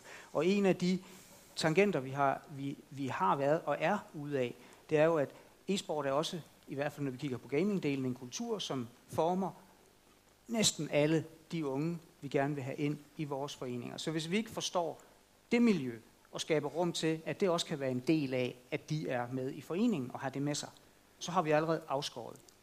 Så det er et spørgsmål om at få kigget ind i miljøer, der er så attraktive, at man har lyst til at være der. Thomas? Ja, det er jo svært at være, være meget uenig i. Øh, jeg, tror, der ligger, øh, jeg tror, der ligger to ting i, øh, i svaret til, til, til live og, øh, og også der her. Den ene del, det er øh, det, som Hans er inde på. Det, der handler om det engagerende fællesskab, det engagerende fællesskab i forhold til idrætten. Det synes jeg, vi har en opgave i, og det, det er jo vores kernevirksomhed. Det er også der, kvaliteten i det, vi foretager os, er vigtig. Det er der, hvor de frivillige er vigtige. Så må vi bare ikke underkende, at det er bare ikke alle, der føler sig øh, som en del af det, der skal foregå på banen nødvendigvis hele tiden. Så jeg synes faktisk, det som Leif peger på, det er, kan vi også være med til at skabe nogle rammer, hvor det sociale fællesskab kan trives i foreningen. Hvor det rent faktisk er sådan, man godt kan komme. Man kan godt være der. Øh, vi er faktisk inkluderende på en måde, hvor dem, som ikke nødvendigvis synes, at det, der foregik ude på banen lige i dag, var det, de skulle være i. Ja, det synes jeg godt, vi kan. Der synes jeg sådan set, vi kan, kan hvad hedder det, motivere at have nogen, øh, nogen omkring os, som så på et tidspunkt kan få lyst til at være med inde på banen, inde i hallen, øh, ude på vandet, eller hvor vi ellers er. Det handler dybest set også om måske at lave nogle, øh, nogle aktiviteter, som ligger i periferien af, af, af sportsopgaverne. Vi, vi ser super gode foreninger, hvor en stor del af det, de foretager sig, er jo den, det sociale, altså, og nu taler jeg ikke om det sociale arbejde, Nej. men i virkeligheden den sociale dimension af det at være, altså fællesskabet, mm. det at have kontakten, det at være til rådighed, det at man kan komme, om det så alt fra noget, som næsten er målrettet øh, lektielæsning, ja. til øh, festerne i hallerne, til hvad det nu måtte være, at foreningerne rammer om det liv, øh, det synes jeg ikke, vi skal underkende som øh, fuldstændig fundamentalt i dansk foreningsidræt, selvom vi er optaget af det, der foregår øh, på banen. Godt. Men de forældreskaber Nu skal vi lige skal vi, øh, ja, stramme op så småt, fordi øh, jeg vil gerne lige nå et par spørgsmål til, og så skal vi altså have den pause, og så skal vi videre. Lad os tage et spørgsmål fra salen. Anna fra Ski. Jamen, øh, vi har jo alle sammen været en hård tid igennem. Det, det kommer ikke bag på nogen. De sidste halvandet år har været presset, udfordrende. Øh, I forbindelse med det, så I taler begge to om, at I gerne vil være i øjenhøjde med specialforbund, og I vil gerne være der for os osv. Og i forbindelse med det, så kan det godt virke lidt hårdt og firkantet i forhold til strategiarbejdet, som den nye støttestruktur fører med sig, at vi har skulle gennemføre det, samtidig med, at vi har været fuldstændig i knæ alle sammen. Så jeg kunne godt tænke mig at høre fra, i virkeligheden måske fra jer begge to, men mest Hans, for du har været ansvarlig for det arbejde med, med støttestrukturen.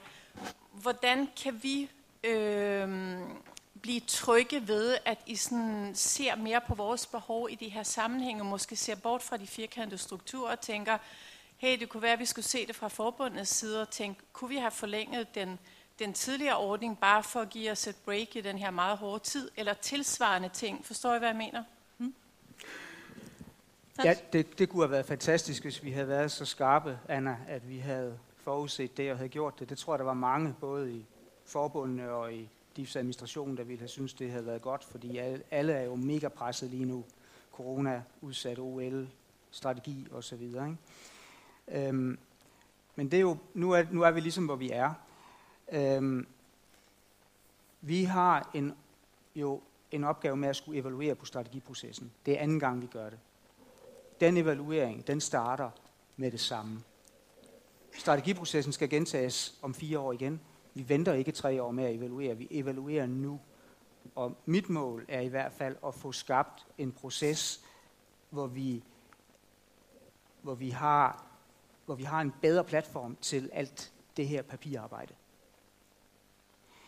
Vi har jo den her gang prøvet at lave noget, som er mere individuelt tilpasset, men det er stadigvæk et load af papir, vi sidder med. Vi skal have gjort et eller andet ved det. Og det gælder både fra forbundets side, og det gælder fra DIFs administration, og det gælder fra bestyrelsens side. Vi har simpelthen en fælles ønske og opgave på det. Thomas? Jeg synes, det er, det, det, er, jo, det er jo også en, en, en ledelsesmæssig dimension af det at være en del af DIF og DIFs bestyrelse, rent faktisk at kunne mærke, hvor er det, hvor er det vi er i det her, og være med og i stand til at, øh, at kunne tilpasse sig i forhold til det, som jeg sagde før. Altså, øh, jeg tror, vi kommer til ikke bare at gentage. Det vil være synd, hvis vi bare gentager den proces, vi har været i. Jeg synes, vi har brug for at, øh, at bruge noget tid på at lære af det. Der var også nogle af jer, der, øh, da vi lavede i det hele taget den nye støttestruktur, var bekymrede for, om vi rent fagligt og mindsetmæssigt kunne følge med. Øh, og det skal vi jo, det synes jeg, øh, har, vi har en opgave fortsat at lytte til. Og som jeg sagde før, kunne man forestille sig i den periode, vi kommer ind i, at vi lidt tidligere låser nogle ting fast, så vi ikke skal diskutere det hele. Altså som en, øh, som en mulighed for at, øh, at gøre det øh, lidt mere både langsigtet, men også lettere i det øjeblik, vi øh, sætter, øh, sætter øh, strøm til. Så jeg kan godt forstå øh, bekymring. Jeg synes, det er vigtigt. Øh, og den evaluering, øh, du taler om, Hans, den er vi i hvert fald øh, ved at få meget direkte øh, fra forbundene i, øh, i forvejen på noget af det. Og der ligger også i, øh, i det et, øh, en, et, en, en opgave i for en øh, ny formand, en ny bestyrelse, at finde ud af, hvordan er det, vi bliver lidt tættere i kæderne mellem DIFs bestyrelse, mellem vores administration og mellem forbundet, så vi får trukket os tættere sammen i det her. Der er jo forskellige grunde til, at vi kan være trukket lidt fra hinanden. Jeg tror, en af de ting, desværre, øh, som, øh, som, som ligger i det, det er jo også, at vi har været i en situation, hvor vi ikke har mødt hinanden. Den, den kommer vi altså til, uh, Thomas. Så, Så. den, øh, den lægger Men vi jeg- lige uh, en lille smule på køl, den der, for det er det, Det vi er starter med efter pausen. Uh, men der er et spørgsmål, og det bliver det sidste, som vi uh, tager her inden uh, pausen, for det er relateret til noget, vi har talt om uh, her. Nu vi er ved sociale projekter, hvordan forholder de to kandidater sig til, at eksempelvis socialer, uh, soldater øh, projektet år efter år skal bruge øh, måneder på at positionere sig og søge nye midler. Altså en masse midler bliver brugt på jer selv og ikke hos slutbrugeren. Jeg synes jo, det er, jeg synes jo i virkeligheden, det er, først og fremmest så er det jo brandærgerligt, at vi står i en situation med noget, som er vigtigt for DIF, noget, som er vigtigt for idrætten, og noget, som er vigtigt for Danmark. At det ikke er noget, som vi sådan set øh, har fået fast finansieret, men at vi er nødt til hele tiden at skulle ud og søge nye midler til det. Men sådan er det jo. Jamen, og spørgsmålet var jo så, om ikke det er præcis var den opgave, vi har øh, i den kommende periode. Det er at sige, gå fra nogle af de indsatser, vi arbejder med. De kender det også i, øh, i DRI og Idræt for Sindet og hvad det ellers er. Hvordan får vi flyttet det fra noget, som er puljefinansieret, Ja. til noget, som rent faktisk er fast, om det så er på finansloven eller forskellige steder i, øh, i de ministerielle systemer. Det er da en oplagt øh, hvad hedder det, arbejde for, for de at tage på sig, og fordi vi ved jo, at det, der virker på det sociale område, det er langsigtet, øh, strategiske arbejde med de strukturer, vi kender i forvejen, frem for at det er nye projekter, der hele tiden skal tilpasses ind i øh, strukturer, man opfinder til lejligheden. Yes.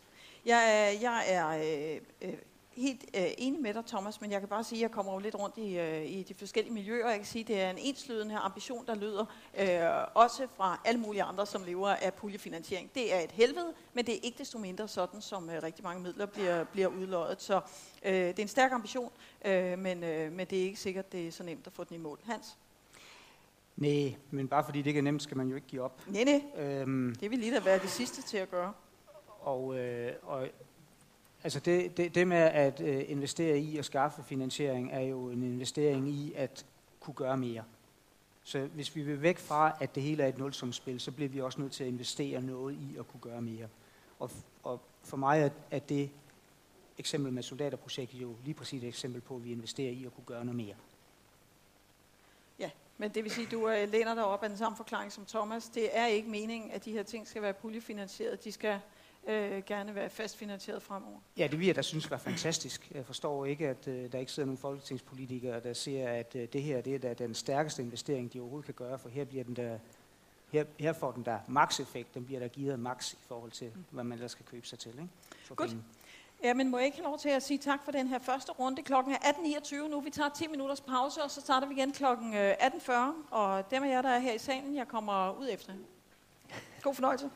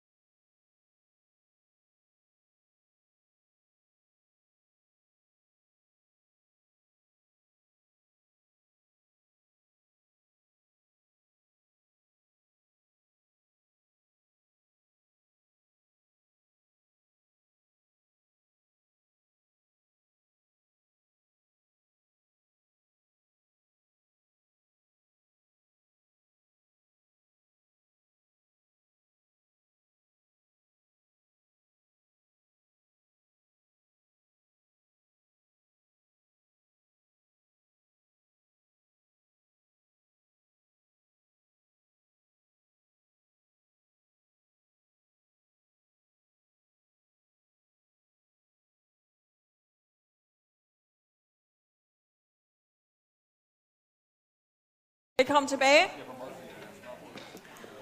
Velkommen tilbage til anden runde i vores øh, formandsdebat. Jeg skal lige sige, at der var en del flere spørgsmål på, øh, øh, på chatten online, end jeg stillede, og øh, det er fordi, at øh, de spørgsmål især relaterer sig til nogle af de ting, vi skal snakke om i anden runde, så jeg skal nok komme tilbage til dem, som jeg ikke allerede har øh, stillet. Nå, nu skal vi snakke om øh, specialforbundets stemme. Øh, der var lige en, der mindede om, øh, kan i øvrigt sige her på chatten, bare lige for at kratte øh, banen op, at øh, der var nogen her, og det kan muligvis være jer, der talte om, at DIF havde 2 millioner medlemmer, men det er jo ikke helt korrekt. DIF har 62 ligeværdige medlemmer, nemlig specialforbundene, og de har knap 2 millioner medlemmer. Øh, så, øh, så er banen kridtet op i forhold til det her med forbundets stemme. Som sagt, der er 62 kunder i butikken. Øh, øh, det ved jeg ikke. Det, det, det, det har jeg tabt øh, fornemmelsen af. Det jeg dog kan huske meget tydeligt fra den sidste debat, og det er det, jeg tænker, vi skal starte nu, øh, det er det her med, at der jo fra nogen, måske især at de mindre forbund, har været givet øh, indtryk af, at de øh, simpelthen ikke kan mærke øh, DIFs bestyrelse tydeligt nok. De har ikke, øh, de har synes, de har for meget at gøre med administrationen, og de har for lidt at gøre med det øh, politiske. De kunne godt tænke sig en stærkere politisk stemme, og de kunne godt tænke sig i højere grad at have kommunikation med politikerne og den politiske linje frem for administrationen. Og jeg kunne selvfølgelig godt tænke mig at høre, øh, om I er enige i den kritik. Det er dybest set en kritik af, af jer, som jo er siddende øh, næstformænd. Så, øh, så Thomas, hvad siger du? Hvad vil du gøre for at sikre, at forbundets stemme i højere grad bliver hørt, end den er blevet indtil videre? Jeg synes da først og fremmest, det er en kritik, der er værd at lytte til. Altså det er da værd at tage ind øh, og sige, hvad er det for en øh, oplevelse, medlemmerne har. Øh, og det synes jeg, vi har en, øh, en forpligtelse til at gøre noget ved.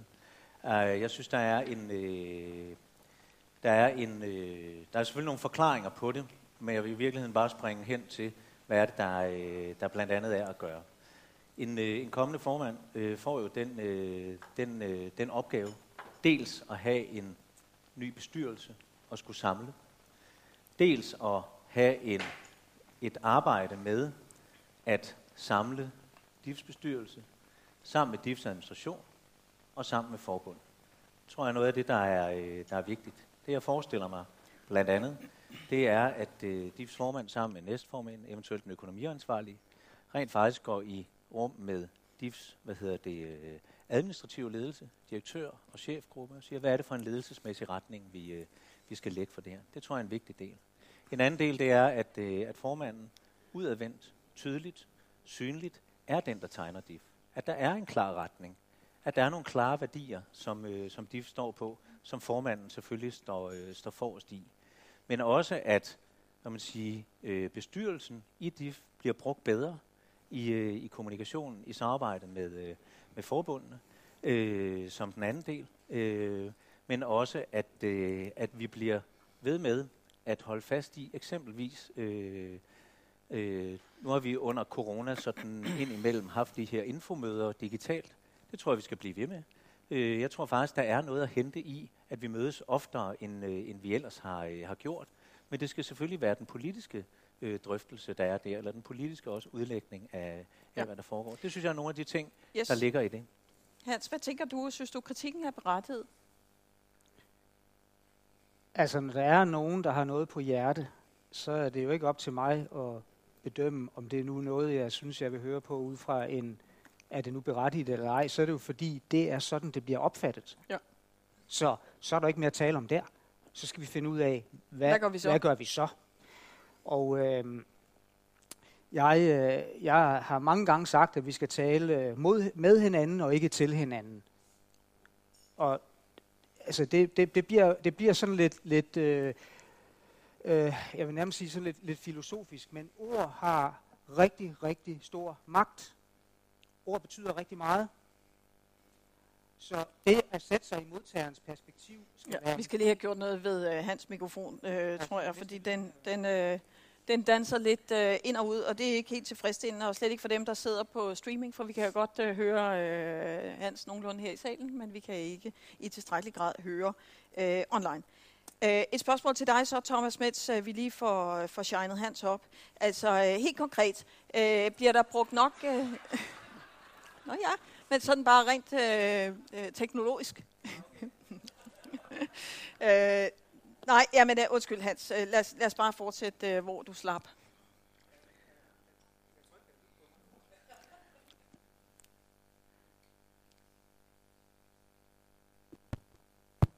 Godt Så tager vi en... Øh, ja.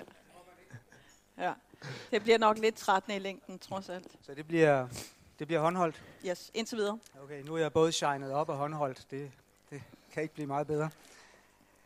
Hvad var det, jeg var ved at sige, Nynne? Ja, Noget, det noget kan med jeg dårligt ord, huske. ord skaber handling, Ja, eller det er det gjorde det ikke? Eller? Det Ja.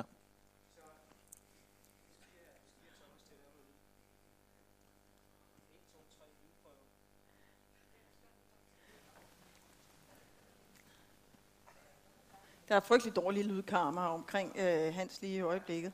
Nå, øh, Thomas, så svarer du lige i mellemtiden, mens vi får løst det problem. Bliver der Svar- brugt... Svarer jeg for Hans? Nej, Nå. du skal svare på noget andet. Bliver der brugt krudt nok på de enkelte forbunds økonomi, helt konkret og på strategiaftaler til bestyrelsesmøderne? Fordi øh, øh, ord taknemmelige, men altså, øh, hvordan kan vi så gøre, at øh, forbundene i højere grad øh, føler sig set og hørt, og føler, at de har en samtale kørende med bestyrelsen? Ja, som, som jeg sagde før, dels så har vi en opgave i at, at bringe tættere, altså kæderne tættere sammen. Altså det er, øh, det er indlyst. Vi har også været langt fra hinanden i en øh, coronasammenhæng, øh, som også gør, at, hvad hedder det, at vilkårene for at være sammen har været, øh, har været vanskelige.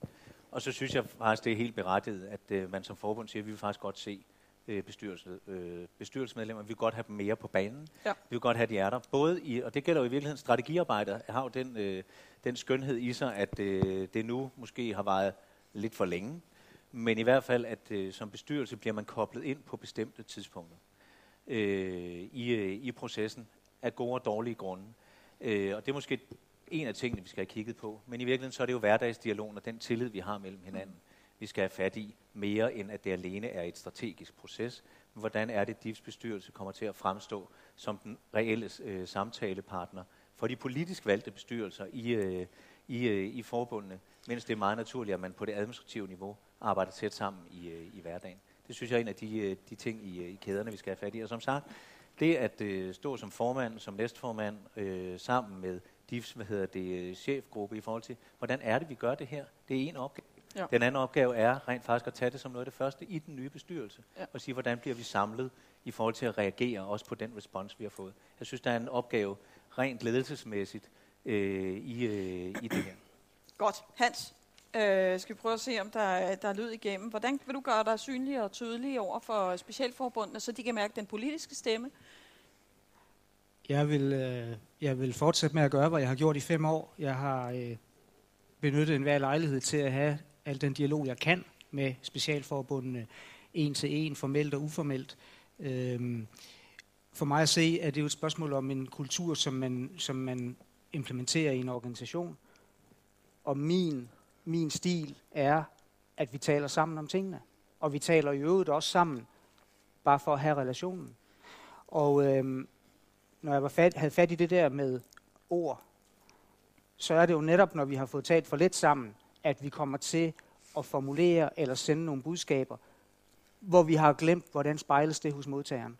Vi har simpelthen ikke været et sted, hvor vi kunne trykprøve det. Og det gælder jo i øvrigt begge veje. Altså det gælder jo hele vejen rundt. Det gælder jo også fra specialforbund til DIFs administration og bestyrelse.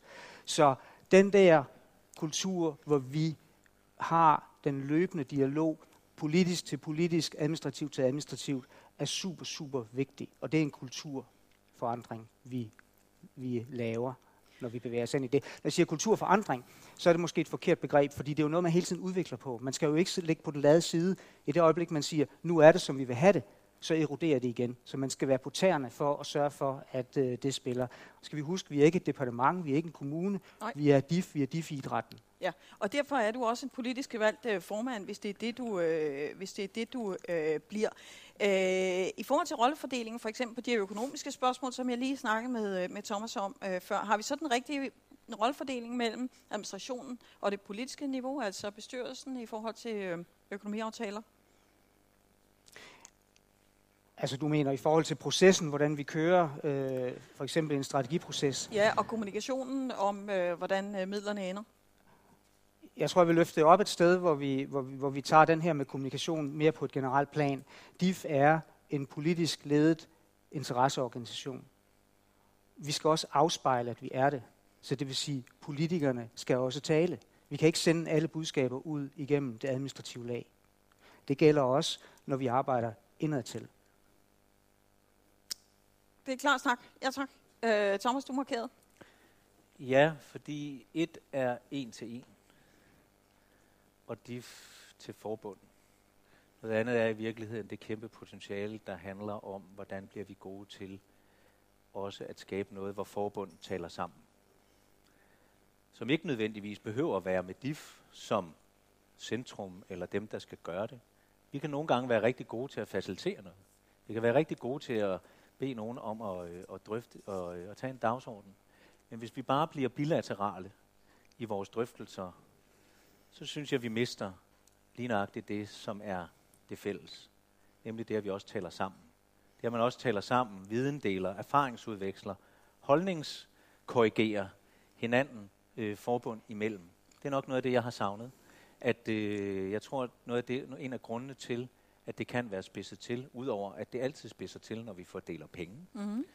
så er det, at vi har været for lidt i samme rum, hvor alle har haft mulighed for både at sige noget og at lytte. Det er en opgave, øh, som, øh, som, øh, som vi kommer til at, øh, at tage alvorligt øh, fremad.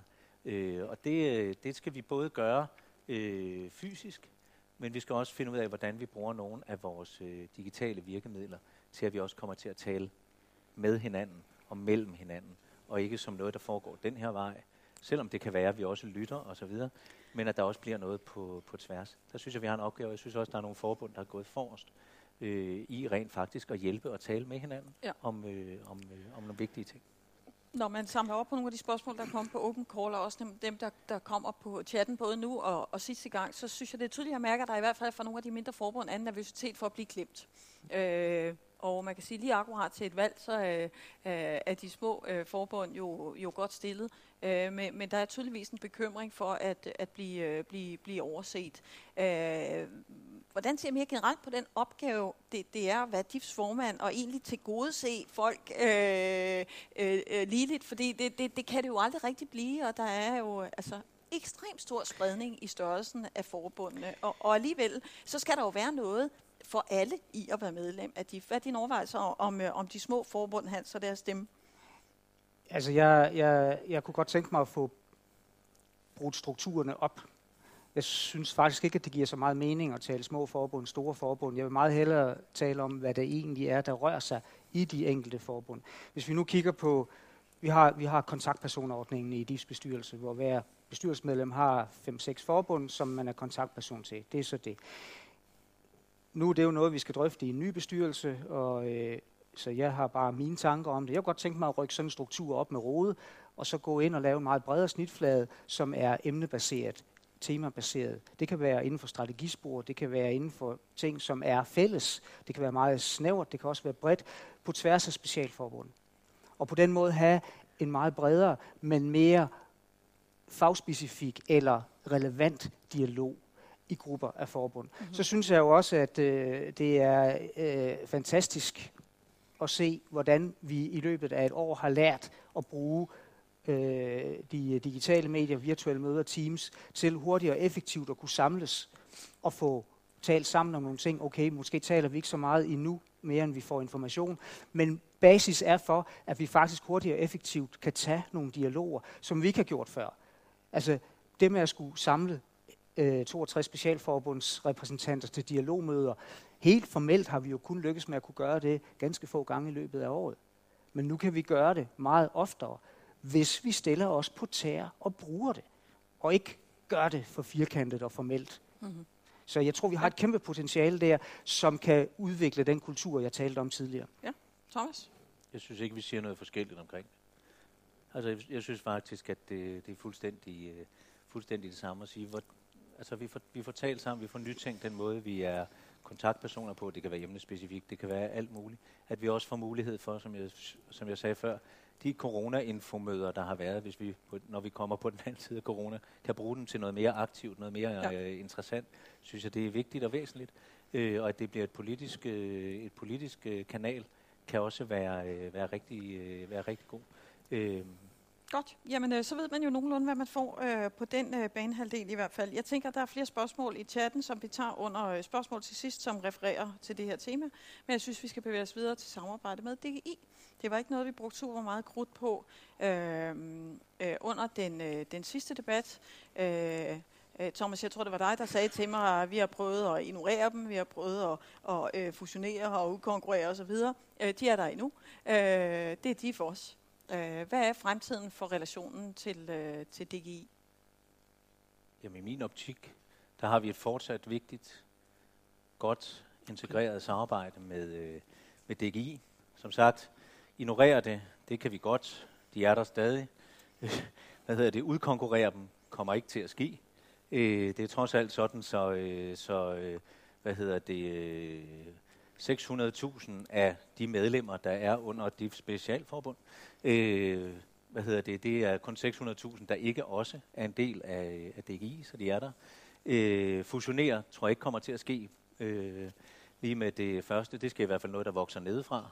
Øh, så er der en øh, fjerde mulighed, det er, at vi kan lave en arbejdsdeling. Vi kan sige til DGI, I tager jer bredden, vi tager os eliten. Det har jeg svært ved at se, særlig mange forbund synes var verdens bedste idé. Så den, det arbejde, der er med DGI, det er jo et samarbejde. Det er et samarbejde på rent faktisk at få øh, sat foreningernes, øh, idrætsforeningernes, de frivilliges, medlemmernes øh, vilkår højt i den politiske øh, diskussion. Øh, det synes jeg, vi er gode til at samarbejde om. Og den anden del, det er, øh, hvad hedder det, der, hvor det giver mening at lave nogle konkrete initiativer og indsatser. Øh, 25 visionskommuner har vi lige om lidt. Mm. Fantastisk øh, mulighed. Det er, at vi har skabt en, øh, en, øh, en vision i sin tid, som har været med til at transformere dansk idræt, synes jeg er vigtig og væsentlig. Synet på DIF, synet på den måde, vi, øh, vi har øh, øh, er i øh, idræts Danmark, har ændret sig markant hen over de kommende år. Øh, hvis ikke det havde været... Øh, hvis ikke vi havde haft corona, så øh, den medlemsbase, vi havde haft fra, at den var 1,9 millioner for fem år siden, så havde den været over 2 millioner i dag. Det synes jeg bare er, er vigtige resultater at have, have med i det her. Vi har fået nogle okay. nye strukturer i nogle forbund sammen med DGI, og så er der selvfølgelig også det, der er bøvlet. Vi ved godt, at DGI er bøvlet. De synes så en gang imellem, vi også er en lille smule bøvlet. Det er svært for os at se. Men alligevel, jeg tror, at samarbejdet er, er vigtigt og rigtigt. Ja. Hans, hvad siger du til det? Er du enig i, at man skal samarbejde der, hvor det er, det er relevant, men måske øh, lade være med at gøre sig de store overvejelser om øh, enten en, en udkonkurrering eller en, øh, en fusion, eller på den måde den helt store kling? Jamen, jeg synes jo, jeg sagde det meget tydeligt i min, øh, i min indledning. For mig skal DIF være det foretrukne valg, og det gælder for alle samfundsaktører i Danmark. Det skal være DIF, der er den foretrukne samarbejdspartner. Det gælder også for DGI. De må se DIF som den foretrukne samarbejdspartner. Okay, det er måske lidt, lidt, lidt firkantet stillet op, men jeg mener det faktisk. Øhm, vi har et super, super godt samarbejde med DGI, når vi kigger på, hvordan vi er repræsenteret nationalt. Og, og der er ingen, der har en interesse i, at vi skal stå og skubbe til hinanden. Foreningerne har heller ikke interesse i, at vi går ind og gør stor idrætspolitik til en kampplads på foreningsniveau. Vi har været der, vi skal ikke derhen igen. Der er dele af, af, af samarbejdet mellem DIF og DGI, der kører rigtig, rigtig godt. Jeg tror, Tore, du vil blive rigtig ked af det, hvis jeg sagde, at nu stopper I det der badminton med DGI. Ikke? Og øh, der kan vi nok også pege på et par andre forbund, hvor man vil sige, okay, det, det, det er nok ikke så fint. Så der, hvor, hvor tingene de kører, der er vi jo, hvor vi skal være. Men vi bliver simpelthen også nødt til at være seriøse omkring, at øh, vi har 62 specialforbund, vi har 90 idrætter, vi har fat i rigtig meget, som ikke er DGI. Og den der med bredde, øh, bredde kontra elite osv., er helt på, på linje med Thomas. Øh, det, altså, der findes ikke mere bredde i idrætten, det der gør i DIF-idrætten. Men så lad mig spørge så, om en anden ting. Ja, vi skal sørge for, vi skal sørge ja. for, vi skal sørge for, at vi tager vare på DIF-idrætten på egen banehalvdel lige så seriøst der, hvor DGI ikke er, som der, hvor DGI er. Og der, hvor der er en samarbejdsrelation, som er vanskelig, og det findes også, der skal vi være der, og der står vi på DIFs banehalvdel. Hmm. Der er vi specialforbundenes makker. Okay, men, men, øh, men, men hvad så? Fordi den forsøgte jeg også at ventilere i forhold til, øh, til de menige bestyrelseskandidater. Hvad så med alt det der kedelige, øh, der bare koster, administration, øh, IT osv.? Er der virkelig ikke nogen samkøringsmuligheder med DGI, hvor man stadigvæk fastholder en fuldstændig klar øh, politisk øh, øh, profil? Så kunne man jo også dække en politisk flanke af og ligesom sige, jeg prøver lige at høre, øh, vi, vi har en række synergieffekter, for der må simpelthen være tonsvis af parallelfunktioner i de to forbund. Er det virkelig ikke en øh, mulighed, Hans? Altså, jeg tror da øh, sagtens, at vi kan finde nogle steder, hvor vi kan samarbejde mere, men det kræver også, at vi står på sikker grund i forhold til, hvad vi selv vil. Og nu har vi for eksempel talt om det at arbejde med digitalisering osv. Jeg er da totalt enig med, med Thomas om, at selvfølgelig har vi nationalt dansk perspektiv på, hvordan vi arbejder med idrættens digitalisering, men det starter altså med, at vi selv finder ud af, hvad vi selv vil. Øh, Thomas, hvad siger du til, til, til muligheden for, for flere samarbejdsområder øh, på, hvad skal jeg sige, sådan noget ikke, øh, ikke giftigt eller ikke værdibaseret? Jeg synes også godt, vi må arbejde sammen der, hvor det er giftigt eller værdibaseret. Det synes jeg sådan set er det mod, den selvtillid, vi også skal have som DIF. Øh, men det er, jo, det er jo så en anden sag. Men, øh, men hvad hedder det... Øh, i regi af det store fælles samarbejde, vi har haft omkring Bevæger for livet, der har vi jo sådan set for, varetaget økonomifunktionen på vegne af begge organisationer. Hvorfor skulle man ikke kunne tale mere om det? Hvorfor skulle man ikke kunne... Øh, vi har jo lavet et fælles øh, centralt foreningsregister. Det var vi sammen om. Det tror jeg er en rigtig stor lettelse for foreningerne. Vi kan godt gå længere veje i det, og jeg tror også, vi kommer til på det digitale og kunne, øh, kunne se en, øh, nogle steder, at, øh, at det giver, øh, giver mening. Så synes jeg, der er øh, en af de oversete, øh, en af de oversete gevinster ved, ved samarbejdet med, øh, med DGI. Det er, at det, der er blevet ryddet op. Det er, at når tennis eller badminton er gået ind i et samarbejde med DGI, så i stedet for, at begge organisationer har haft de samme tilbud til de samme klubber, og i øvrigt valgt at lægge det på den samme weekend, så har man sådan set sagt, skulle vi ikke starte med at rydde det væk, til at frigøre nogle ressourcer, til rent faktisk at lave det, som vi alle sammen er optaget af, mere idræt. Jeg synes, der er masser af, af gode perspektiver i, øh, i det. Jeg er enig med Hans i, selvfølgelig skal vi stå sammen med forbundene, særligt på den øh, måde, som, øh, som, øh, som DIF oplever, at idrætten skal være på, og det fundament, vi har, øh, det fratager os bare ikke nogle gode, relevante samarbejdsmuligheder i forhold til DGI. Og en af de ting, som jeg bare synes er vigtig at, øh, at fremhæve, det er, at det, at vi har mulighed for i endnu højere grad gennem øh, DGI's decentrale struktur at kunne komme ud med nogle flere af de idrætstilbud, som vores specialforbund en gang imellem har været vanskeligt ved at nå helt længere ud i øh, kongeriget med. Der synes jeg, at det er oplagt at, øh, at tage nogle, øh, nogle snakke med DGI og sige, hvis det, hvis det kan lade sig gøre med jeres landsdele, vil I så være med til at hjælpe det på vej? Lige så vel som øh, vi også gerne må tilbyde os at sige, hvis I har brug for noget faglig sparring og hjælp til nogle af de idrætter, som I er på vej ind i, eller som I er med, så synes jeg, at vi skal stille os til rådighed. Ja. Øh. Okay, så en rimelig pragmatisk tilgang fra jer begge to i forhold til samarbejde, der hvor det, øh, hvor det giver mening, men ikke nødvendigvis et samarbejde, der, der skal rykkes øh, voldsomt, hverken øh, til højre eller til venstre. Godt. Der er en ting, som jeg ikke talte med de menige kandidater om, og det er det her med det internationale samarbejde. Det er enormt værdibaseret. Øh, det er enormt øh, besværligt, og man er nogle gange øh, ude i nogle diskussioner, hvor man øh, ja, måske også øh, går på akkord med sine øh, egne øh, værdier. Det, jeg gerne vil tale om nu, det er, hvordan holder man værdifanen højt, de skandinaviske værdier, uden at blive marginaliseret i det internationale samarbejde. Hvordan kan vi pushe danske, skandinaviske værdier i det internationale samarbejde? Og er det bare os heroppe, der synes, at det der med øh, Katar eller øh, øh, Beijing, i jeres tilfælde vinter-OL, øh, er en, øh, er en øh, dårlig idé.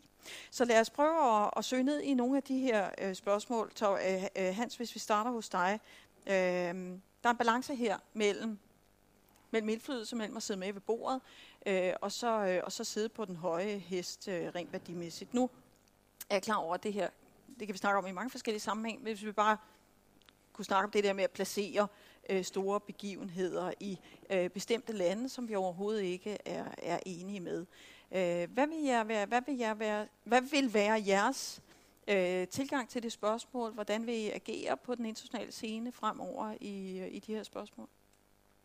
Det var mange spørgsmål på en gang, Nynne. Nej, det var kun et. Var det kun et? Ja. Øhm, Det er meget langt, det er godt. Men okay, men så har jeg et svar på det.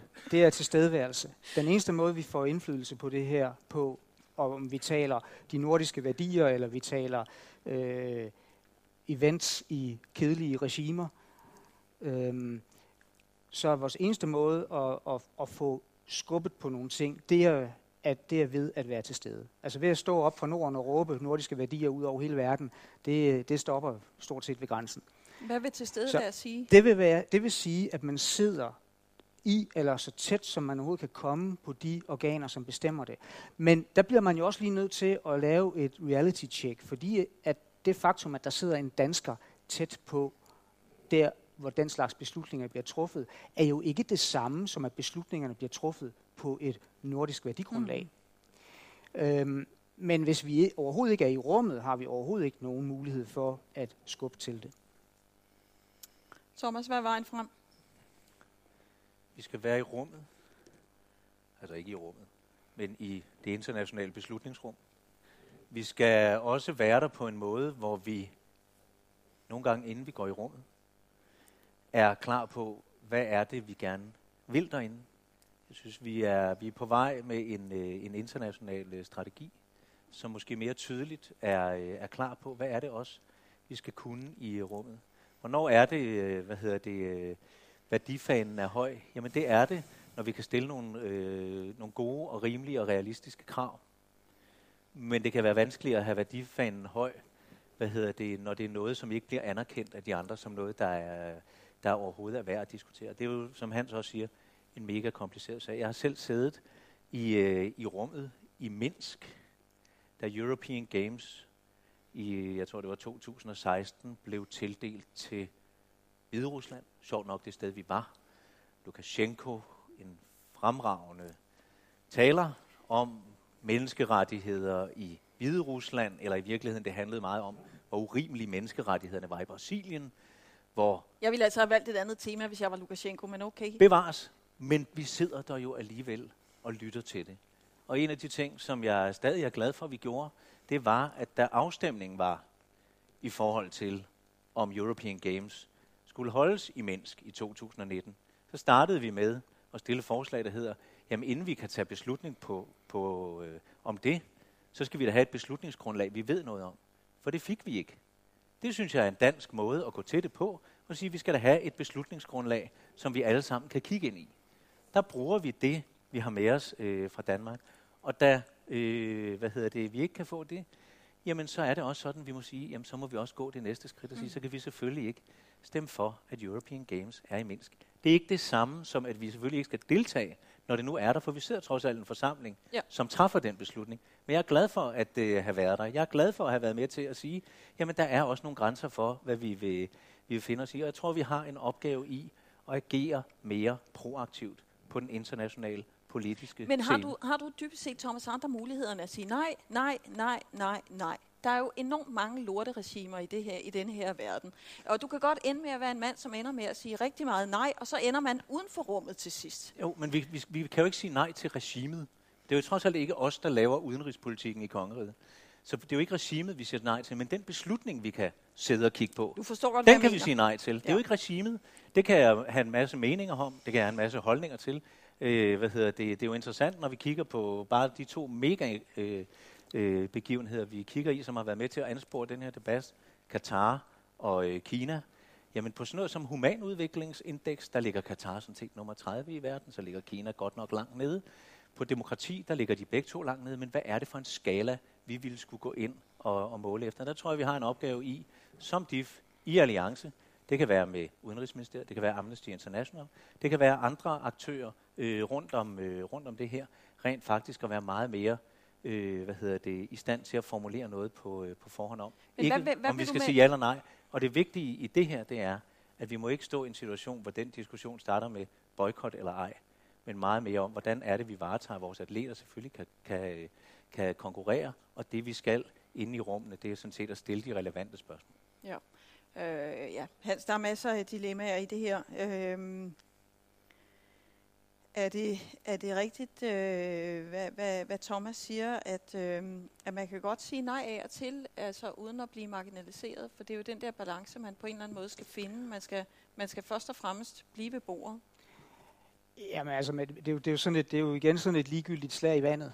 Øh, det er selvfølgelig et statement, at man siger nej, men det ændrer jo ikke på beslutningen, så det interessante, det er jo processen hen til, at man kommer til at skulle tage en beslutning, som man synes er noget skod. Det er jo det, er jo det arbejde, vi skal have fat i. Og Altså, det, er det, der, det, det, der, det er det, der kræver det lange seje træk og tilstedeværelsen derude. Ikke? Øhm, Men, men hvad vil det sige, Hans? Vil det sige, at man er ude og lave en hel masse, øh, en hel masse networking, canvassing, alliancearbejde? Ja, det, det, det, det kræver det blandt andet. Men, men du, kan, du kan jo se på det sådan, at du kan starte med at gå ud og prøve som enkeltpersoner, internationale idrætspolitikere, og finde ud af, hvordan er den her verden skruet sammen. Eller også, så kan du stå på et fundament, som vi skaber i DIF, og som Danmarks Olympiske Komité, hvor vi som udgangspunkt er mere strategiske i forhold til, at vi har analyseret en hel del på det der, og ved, hvor vil vi gerne være, og hvad er det for nogle dagsordner, vi kommer ind med. Så starter du et andet sted, og det vil sige, at du starter også med at have en meget tidligere indflydelse på, at vi måske, når den dag skal, beslutningen skal tages, om vi skal have et stort event det ene eller andet sted, allerede på det tidspunkt har fået drejet det væk fra det aller værste. Det, det er ikke ønsketænkning. Det er sådan, vi arbejder allerede. Øhm, men det er et langt sejt træk at komme dertil, hvor man for alvor kan se, at det har en effekt, og Danmark kan jo ikke gøre det alene. Så netværk mm. og være ude og have nogle stærke alliancer blandt ligesindede, og også nogen, der tør sige, hvad de står for. Ja. Det er super vigtigt. Ja. Thomas, hvad siger du til det? Altså, er du, er du mand for det der alliancearbejde og gå ud og, og finde øh, forbundsfælder i, i lande, som har lidt øh, flere muskler? Tyskland, Storbritannien, hvad ved jeg? Andre, vi har et værdifællesskab med? Det er da nødvendigt. Det er da en del af opgaven. Det er da en del af det, der gør, at vi kan flytte nogle af de her, i de her dagsordner. Det har vi meget svært ved at gøre alene, for ikke at sige, at det er umuligt at gøre alene. Så det skal vi gøre. Vi skal også vi skal vide, hvor det nytter, og hvor det kan flytte noget. Og hvor det, vi også må sige, det som er i det, det er, at det nogle gange kan virke som om i en dansk offentlighed, at så er det bare fordi, vi har været sammen med England og Tyskland, så flytter det noget, hvor 200 lande sidder i samme rum. Der, er bare, der tror jeg, vi har en, øh, der skal vi måske være bedre til, og øh, også at agere med, fortælle om, bringe frem, hvad er det også for nogle vilkår, hmm. vi har som, øh, som internationale idrætspolitikere. Hvad er det faktisk for en, et, øh, hvad er det vi møder øh, i, øh, i en international idrætspolitisk sammenhæng? Fordi det er ikke sådan, at bare fordi vi har England og Tyskland med, at øh, man skifter holdning i hverken Peru, eller Ghana, eller Singapore.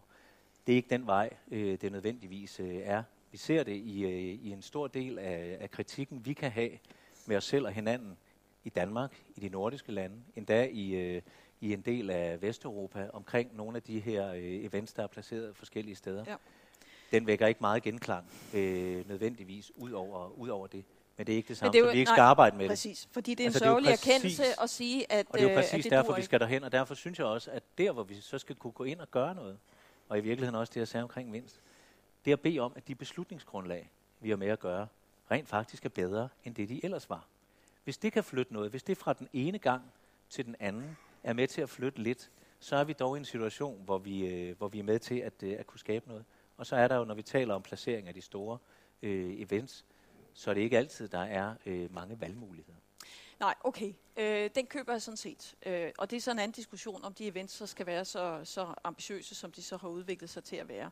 Men, men altså, Thomas, er det en fuldstændig urealistisk ambition, at man i sportens verden, fordi sporten er den, den, den er, nu tænker jeg en ideal, altså en fuldstændig grotesk ideal betragtning, men at man faktisk kan gå ud og stille nogle krav til, øh, hvad man skal leve op til, for eksempel på menneskerettighedsspørgsmålet, for at få store events. Altså, er det, altså, hvem er det egentlig, der er i købers og sælgers rolle, når vi for eksempel snakker OL?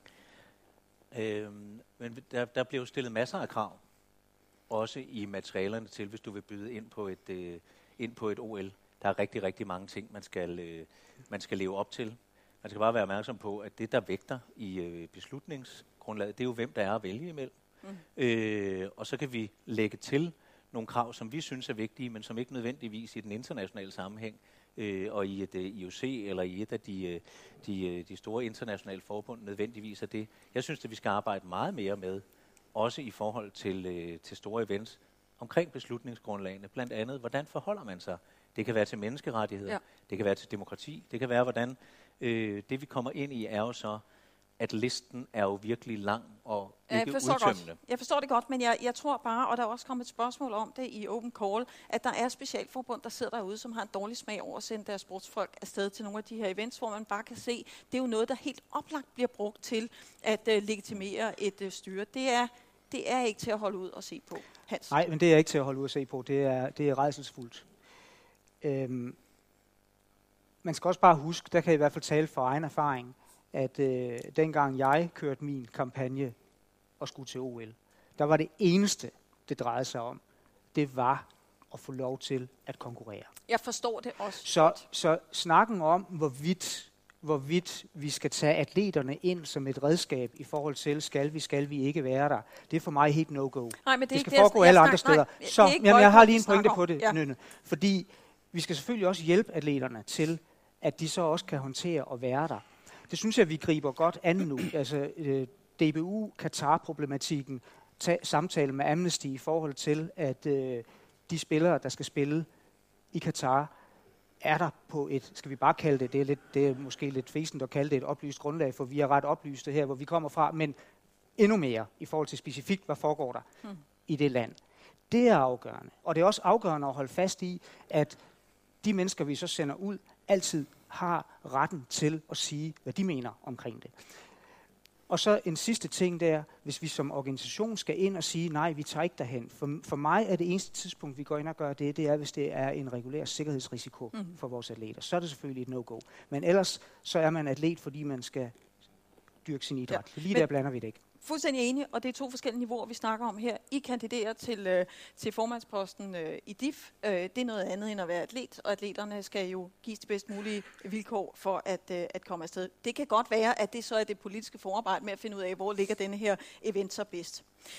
En anden ting, man kan, man kan gøre for at promovere danske, eller øh, hvad skal jeg sige, vestlige øh, værdier, eller hvad man nu skal kalde dem, er jo øh, at få danskere rundt omkring i magtfulde positioner. Øh, Niels Nygaard er på vej ind i, øh, i EUC, eller er, er der sådan set øh, allerede. Hvad vil I gøre for at føre kampagner og understøtte øh, de her øh, mulige øh, kandidater til, til internationale poster øh, i deres valgkamp, for at få øh, flere danskere placeret rundt omkring? For det er jo... Øh, det, det, det, den ambition kan I umuligt have noget imod. Nej, Hans? a- a- absolut ikke. Altså det, det ligger jo fuldstændig i forlængelse af den snak, vi har her i forhold til at få øvet indflydelse, inden vi kommer ind i det rum, hvor den fæsende beslutning skal træffes. Ikke? Præcis. Og øh, udgangspunktet for det, det er, at vi har et godt grundlag at gøre det på. Og øh, nu, når vi kommer en gang hen i juni, så offentliggør vi en international strategi i DIF, som vi har arbejdet på et stykke tid. Både Thomas og jeg har været med til at, øh, at skrive den. Og øh, der sætter vi et fundament, som bygger videre på det, vi allerede arbejder med, men endnu mere krystalskarpt. Hvad er det for en type indflydelse, vi går efter? Hvilket niveau? Og det er alle niveauer. Men hvordan gør vi det så? Hvad er det for nogle netværk, der danner grundlag for det? Og hvad er det så, vi går ud med? Fordi vi kommer jo også til at vælge noget fra og sige, det her vil vi ikke bruge ressourcer på. Enten fordi det er for marginalt i forhold til omkostningen, mm.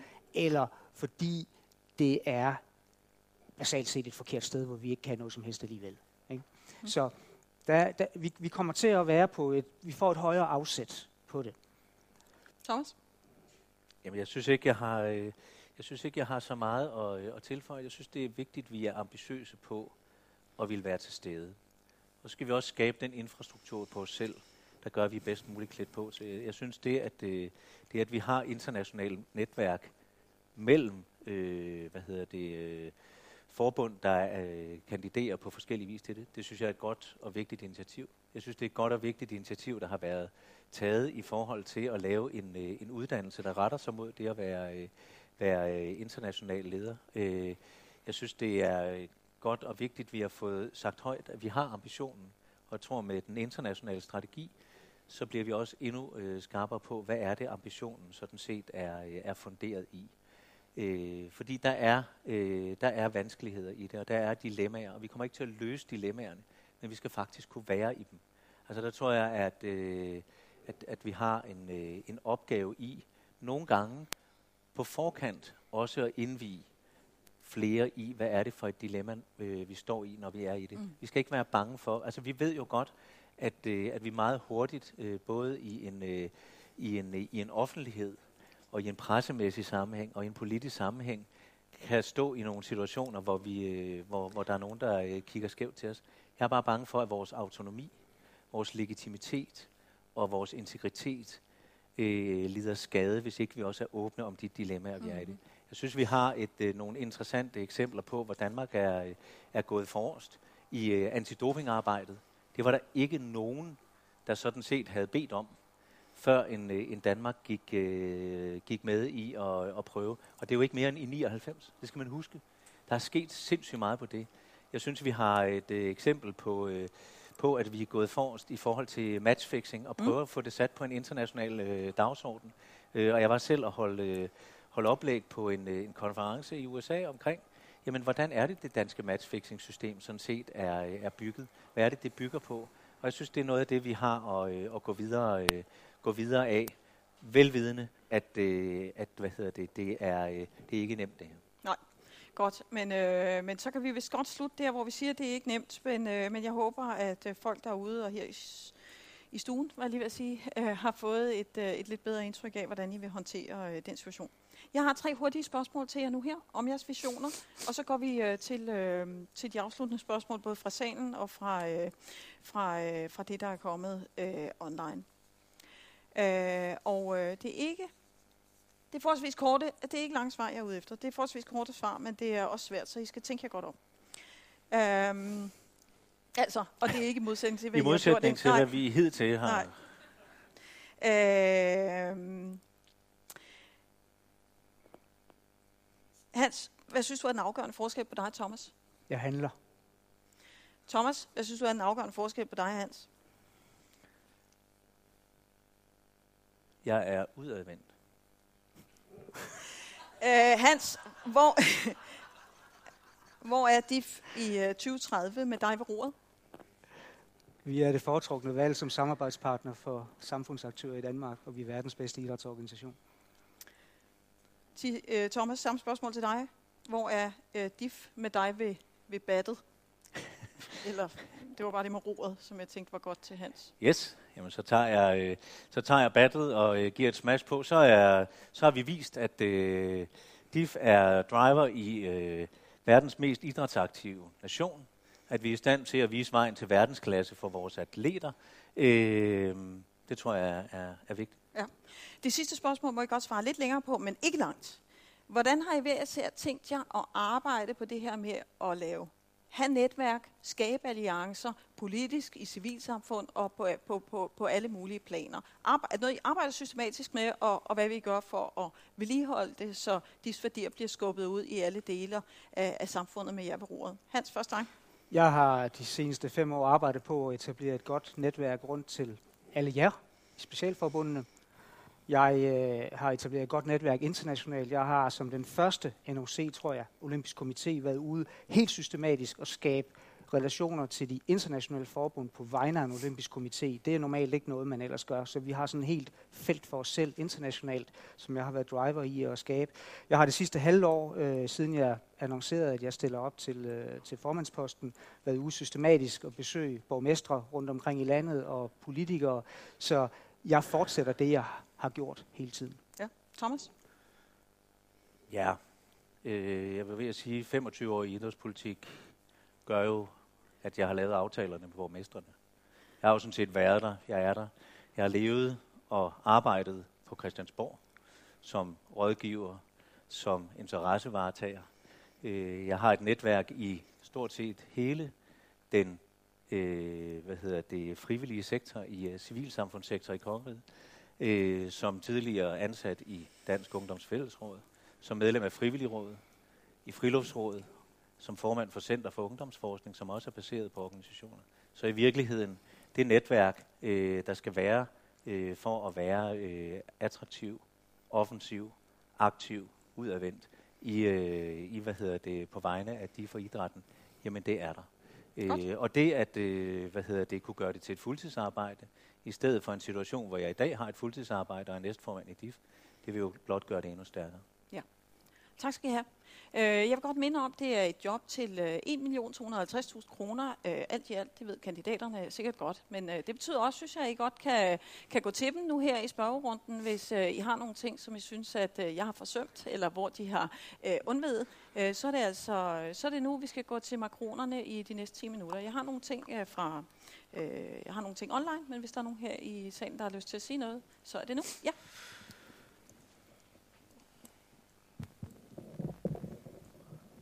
Ja, det er Karen fra Danmarks Sportsdanserforbund. Jeg vil gerne spørge, hvordan vil I gøre, at folk vil vælge DIF og gøre DIF mere kendt i øh, Danmark, så det ikke kun er DGI, vi hører, men også det, ja, det er også os.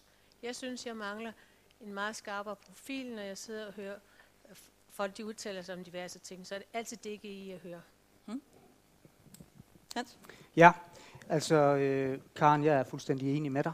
Øhm, du har, har været næstformand indtil videre. Ja, Nå. det har du fuldstændig ret i. Ja, jeg synes også, jeg har sagt mange ting. ja, jeg bliver faktisk nogle gange bedt om at tige lidt stille. Øhm, Karen, jeg synes, at øh, de skal agere ud fra det, vi er. Vi er en politisk interesseorganisation. Vi skal også have et politisk talerør. Så det vil sige, formanden for DIF skal tegne DIF i alle de spørgsmål. Der skal vi meget mere på banen, meget tydeligere på banen. Øhm, og så lige en kommentar. Jeg kan ikke lade være nødne, men det er altså ikke et job, det er en post. Så siger vi det, men honoraret er, og vi kan også kalde det løn, vi kan kalde det honorar, vi kan kalde det engangsbetaling en gang om året, vi kan kalde det, hvad du vil. Ja, det er fint. Ja. Jeg, ja, jeg for mig nødt til lige at understrege det. Ja, det gør ikke en stor forskel for mig. Thomas? Det er i hvert fald mange penge for noget med post. Øhm, jamen, når, altså, i forhold til Karen, øh, jeg tror, det er øh, entydigt vigtigt, at DIF tager på sig, og formanden tager på sig, at være udadvendt og synlig på vegne af DIF og DIF-idrætten. Og det er jo ikke bare et spørgsmål om at, at markedsføre DIF, det er jo sådan set også at få specialforbundene øh, gjort synlige og, øh, og mere relevante for flere. Jeg tror, vi har brug for en, øh, en profil øh, på det, som rent faktisk både appellerer til, øh, når vi er øh, hvad hedder det, i medierne, men i virkeligheden også, når vi er sammen med danskerne. Det er vigtigt, at DIFs formand kan både det ene og det andet, og også være der sammen med, øh, med beslutningstagere. Det er væsentligt, og det er vigtigt, øh, og DIFs synlighed er, øh, er afgørende. Ikke bare i en konkurrence med DGI, men jo i virkeligheden, fordi, som jeg startede med at sige, DIF er den, der sådan set tegner dansk idræt. Vi har rigtig mange organisationer omkring os, men DIF skal bare stå allerforrest i det. Hmm? Hans? Øhm, Karen, en anden aspekt i det der, det er jo også at gøre forbundene synlige. Nu har jeg øh, som sagt brugt tid på at, at øh, rende rundt og besøge en hel masse borgmestre, og jeg skal jo hilse dig mange steder fra, Thomas. Ja. Øhm, det var en meget spids lille ja, øh, bemærkning, ja, faktisk. Jeg, næ- jeg nævnte fællesnævneren hos alle de besøg, det er foreningsidrætten, men der er også en anden fællesnævner, som er ret interessant for os i DIF-idrætten. De spørger alle sammen, uden undtagelse, efter mere DIF. Og jeg tror personligt godt, at vi i det her rum som specialforbund kan være hinandens ambassadører på en helt anden måde, end vi har været tidligere. Jeg tror godt, at danserne kan repræsentere DIF-idrætten på vegne af en meget større gruppe end blot dansesporten ved en tilstedeværelse hos en borgmester. Så jeg har i hvert fald en ambition om, at vi også tager hinanden, specialforbund, DIS bestyrelser under armen og kommer ud og får hils på. De spørger efter det. Godt. Lad os have et spørgsmål fra online. Det er Bo Belhage fra Danmarks Cykelunion, der spørger. Ledelsestransparens. En af bestyrelseskandidaterne vil gerne have livestreamede bestyrelsesmøder. Hvad mener formandskandidaterne om ændret mødekultur i form af livestreamede bestyrelsesmøder? Thomas? Det synes jeg, det kan være en udmærket idé. Godt. Hans? Ja, altså transparens er svært at sige, sige noget til. Man skal også bare lige huske at lave et reality-check på, at øh, hvis man vil flytte visse diskussioner ud af et bestyrelseslokal, så er det jo det, man gør ved den slags. Så man skal også have et fortroligt rum, hvor man kan diskutere nogle ting. Jeg synes også, at transparens i forhold til at vise, hvad man gør, og livestreaming osv. er en god ting. Der er jo også en grund til, at Team Danmark som organisation har en lukket del af deres bestyrelsesmøder. Thomas?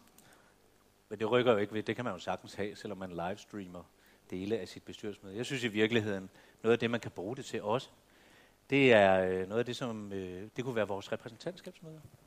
være i stand til rent faktisk at inddrage danskerne i, hvad er det for en diskussion, der er i et rum som, øh, som det her, når vi har, øh, har repræsentantskabsmøder og årsmøder. Så man kan få et indblik i, hvad er det, der bliver drøftet mellem øh, specialforbund og DIF og specialforbund øh, imellem.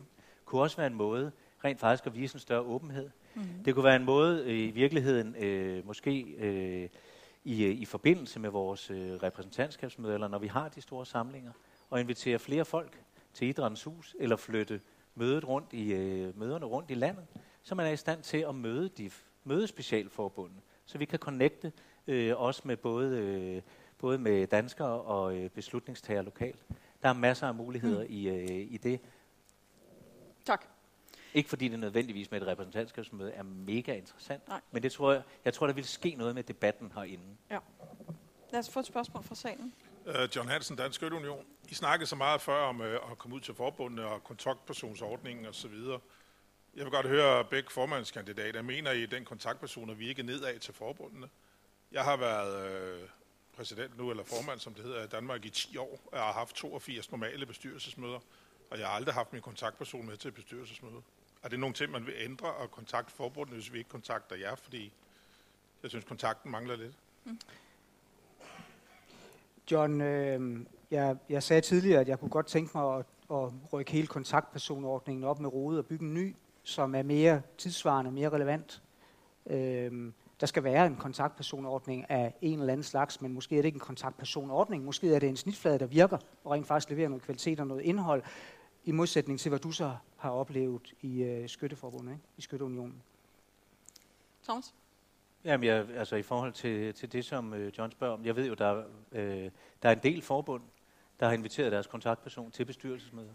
Jeg ved også, at der er, øh, der er bestyrelsesmedlemmer, og det tror jeg, man skal bare øh, også i en, i en kommende bestyrelse være opmærksom på, som øh, der, der er stor variation i, hvordan man varetager sin, øh, sin øh, kontaktpersonrolle.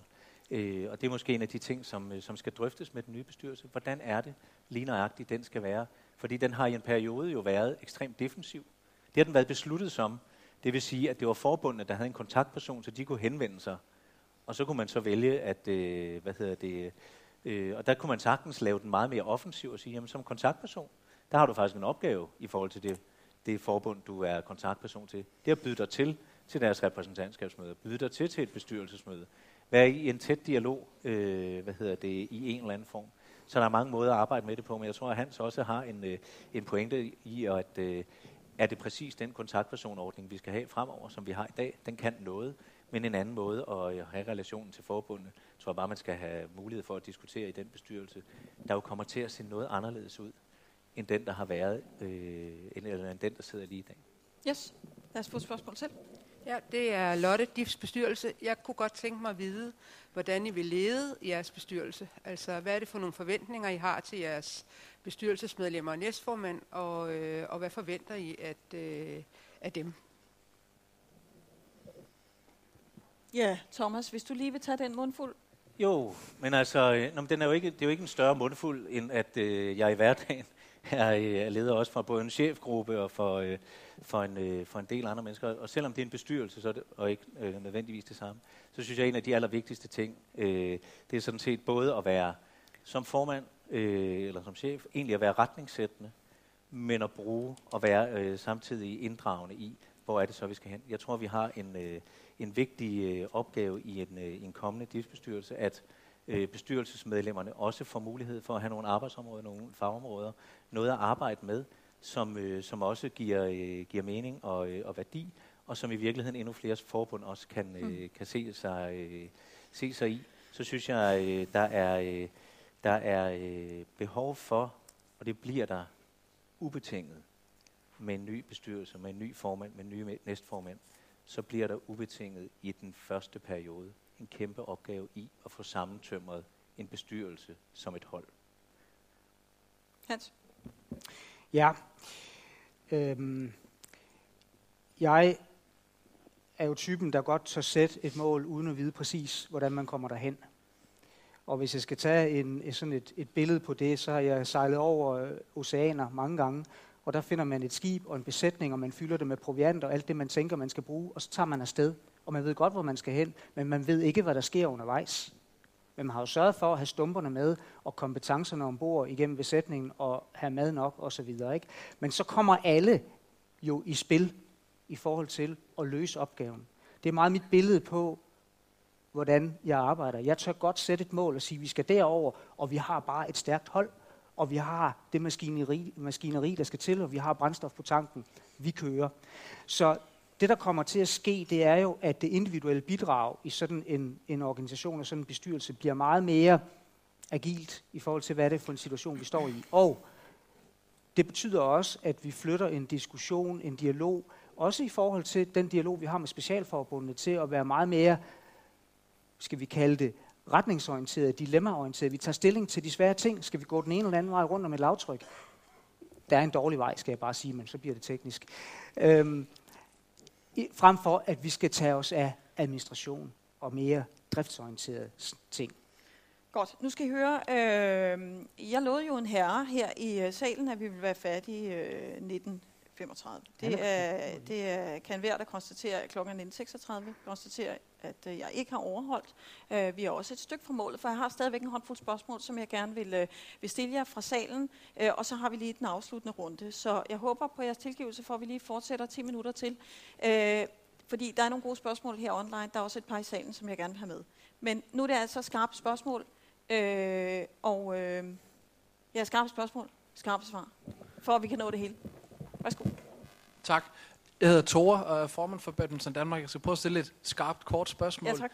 Øhm, for nogle måneder siden var jeg med til mit første budgetmøde, hvor vi snakkede meget om, om diversitet og om kønskvoter. Og øh, det var rigtig spændende og rigtig vigtigt at snakke om, men jeg sad og tænkte, jamen, når man snakker om diversitet, hvor var hele spørgsmålet om alder, når vi snakker om de her specialforbund?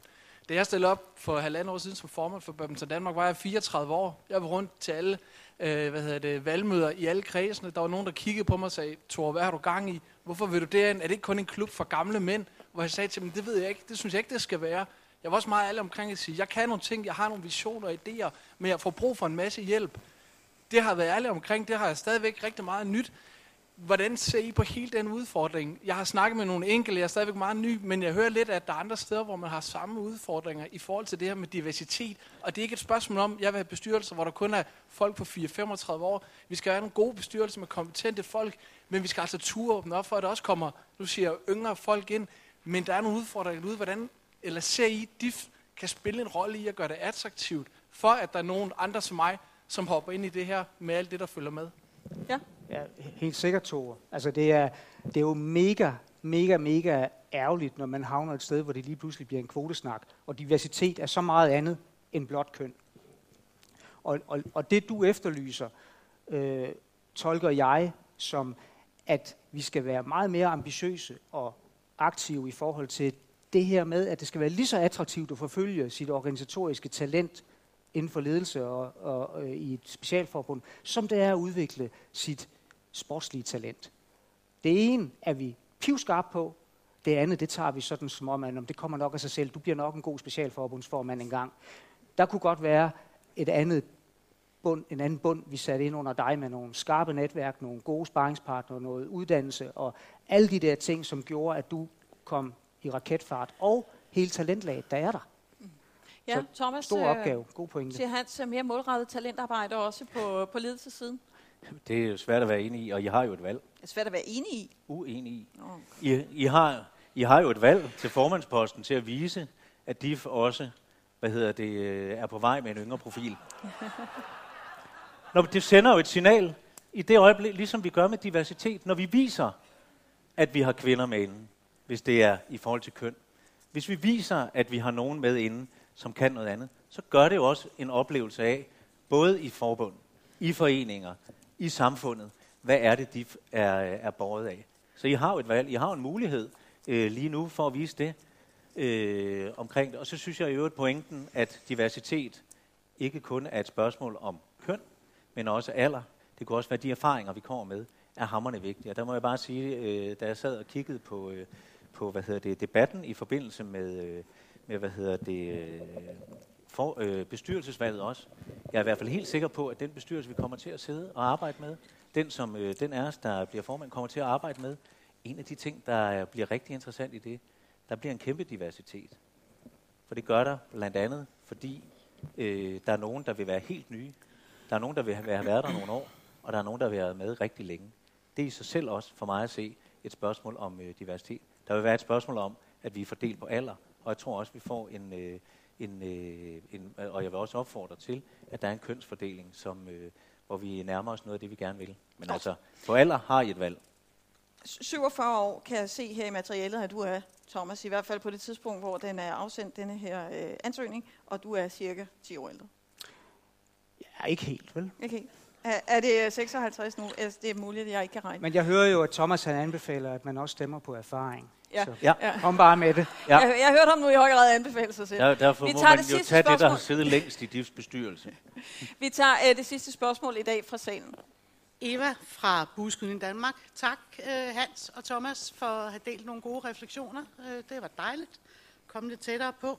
Øhm, Man er jo ikke i tvivl om, at man er til valgkamp her. Jeg synes, jeg har hørt rigtig meget, der kan lade sig gøre. Der er faktisk slet ikke noget, der ikke kan lade sig gøre. Jeg kunne være interesseret i at høre jeres bud på, hvad er det, DIF ikke skal beskæftige sig med, måske de næste 5 eller 10 år, eller der, hvor I skal være formænd. For det kan simpelthen ikke være rigtigt, at alt, hvad vi kan finde på som specialforbund, også er noget, der skal udmyndtes. Ja, Thomas, vil du starte den? Øh, Hvad skal vi have mindre af? Ej, jeg synes, øh, vi har været begge to inde på, der er måske ingen grund til ligefrem at gå ind i en fusionsforhandling med DGI. Nej, okay, Det så synes den, jeg er, er en af de ting, vi, øh, vi i hvert fald begge to har peget på som, som, som væsentlige. Øh, Eva, øh, det er foreningsidrætten, vi har bygget op omkring. Så det, vi beskæftiger os med, det er foreningsidrætten. Det, der står uden for hegnspælene, det er noget, vi lader os inspirere af og tage som snitflader og blive dygtigere til at gøre noget i foreningsidrætten. Men vi skal ikke have ambition om at skulle overtage det. Godt. Må jeg- Må jeg sige noget til det? Jamen, det skal ikke være særlig meget. Men vi skal dele med at være i kontakt med det. Fordi ellers så løber det direkte forbi os. Godt. Bo Benhage fra Danmarks Cykelunion skriver, EM i Hviderusland. Det er tilbage til det internationale. DF har ifølge præsten tilbudt Danmarks Cykelunion økonomisk og sportslig kompensation ved at få flyttet bane hjem til Danmark, men den europæiske cykelunion med dansk næstformand har takket nej til DIFs tilbud. Hvad vil kandidaterne selv gøre, hvis de var DCU? Hans? Jeg har lidt svært ved at se, at man kan pålægge en dansk idrætspolitiker ansvaret for, at en, en international idrætsorganisation beslutter noget omkring stedet.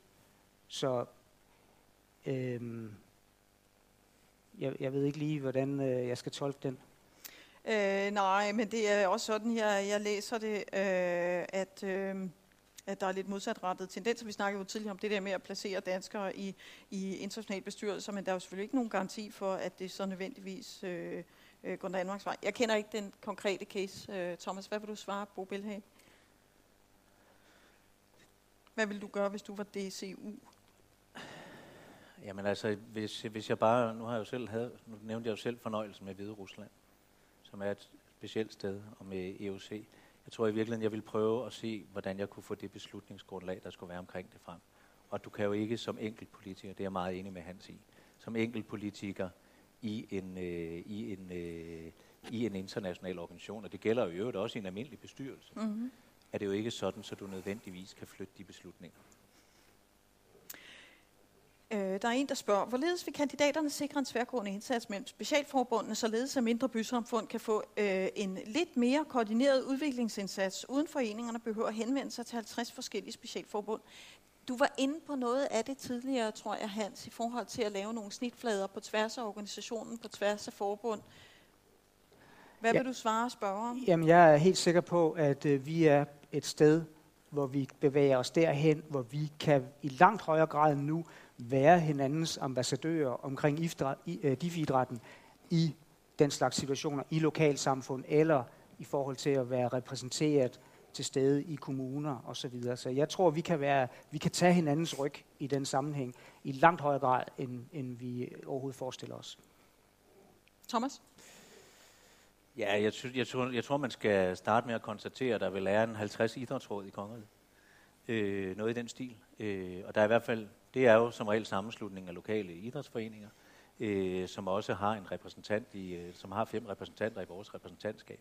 Så det er i hvert fald også en, en, øh, en måde at, øh, at gå til det på, det at bruge det.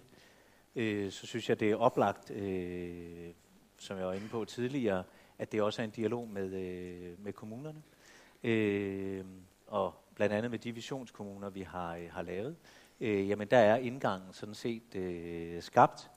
Øh, og så er jeg meget enig med Hans at sige, jamen kan vi være bedre til, at øh, specialforbund kan stå på mål for hinanden, øh, som den ene mulighed. Og den anden mulighed er, der hvor det er vanskeligt for os, er der en mulighed i, at øh, de landsdele, øh, som øh, DGI har, kan være med til at brede nogle af de, øh, de aktiviteter ud, som vi ikke selv har ressourcerne og kræfterne til. Fordi bare fordi man er et sted, er det jo ikke det samme, som man har muligheden for også at bringe flere forbundsaktiviteter afsted. Så jeg synes, der er flere øh, muligheder i det. Godt. Tak for øh, de mange gode svar, de her, og tak for mange gode spørgsmål. Øh, der er jo øh, heldigvis en mulighed øh, til for at komme til at, at svare på spørgsmål øh, lidt senere. Astrid, er du klar med klokken øh, og med øh, timeren? Fordi så nærmer vi os jo den runde, hvor der skal svares på det sofistikerede spørgsmål. Hvorfor skal I stemme på mig? Øh, Thomas, vil du øh, begynde, fordi du sluttede sidst? Ja, men øh, så tror jeg, jeg vil begynde eller slutte der, hvor jeg startede. Øh, jeg stiller op som formand, fordi jeg ikke kan lade være. Jeg brænder for idrætten. Jeg brænder for DIF, for specialforbunden og for at gøre en forskel i dansk idræt. Det er vigtigt og nødvendigt, at det står helt fast i DIFs formand. Øh, jeg vil et udadvendt DIF. Et åbent DIF. Øh, et, hvor vi er klar på vores værdier, øh, og også har en klar retning. Og jeg synes, at der er en opgave som DIF-formand i at samle øh, DIF og specialforbundene, idrætten, lige fra begynder til verdensklasse.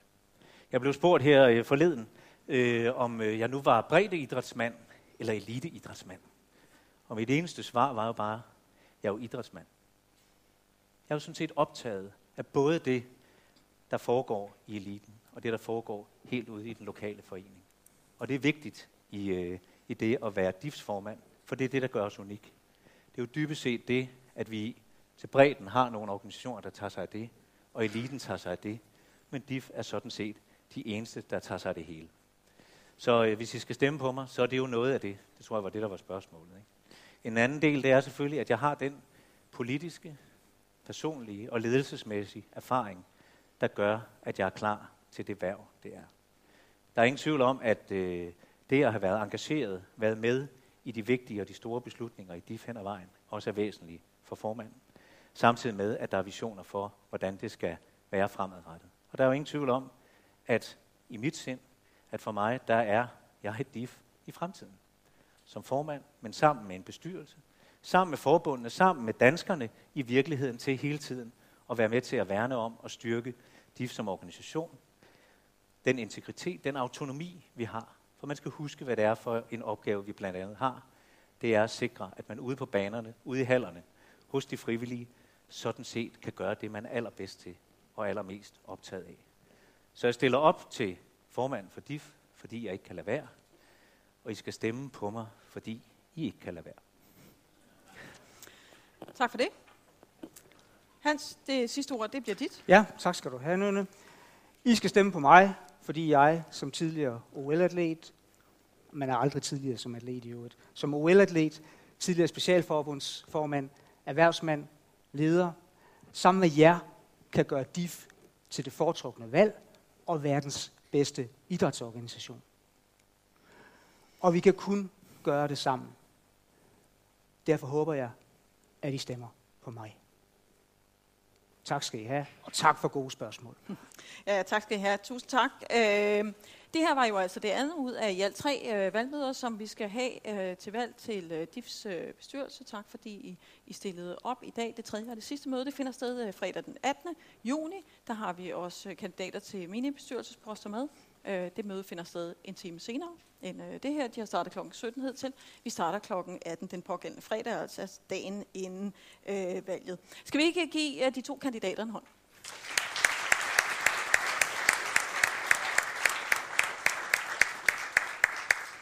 Tak for i aften. Selv tak.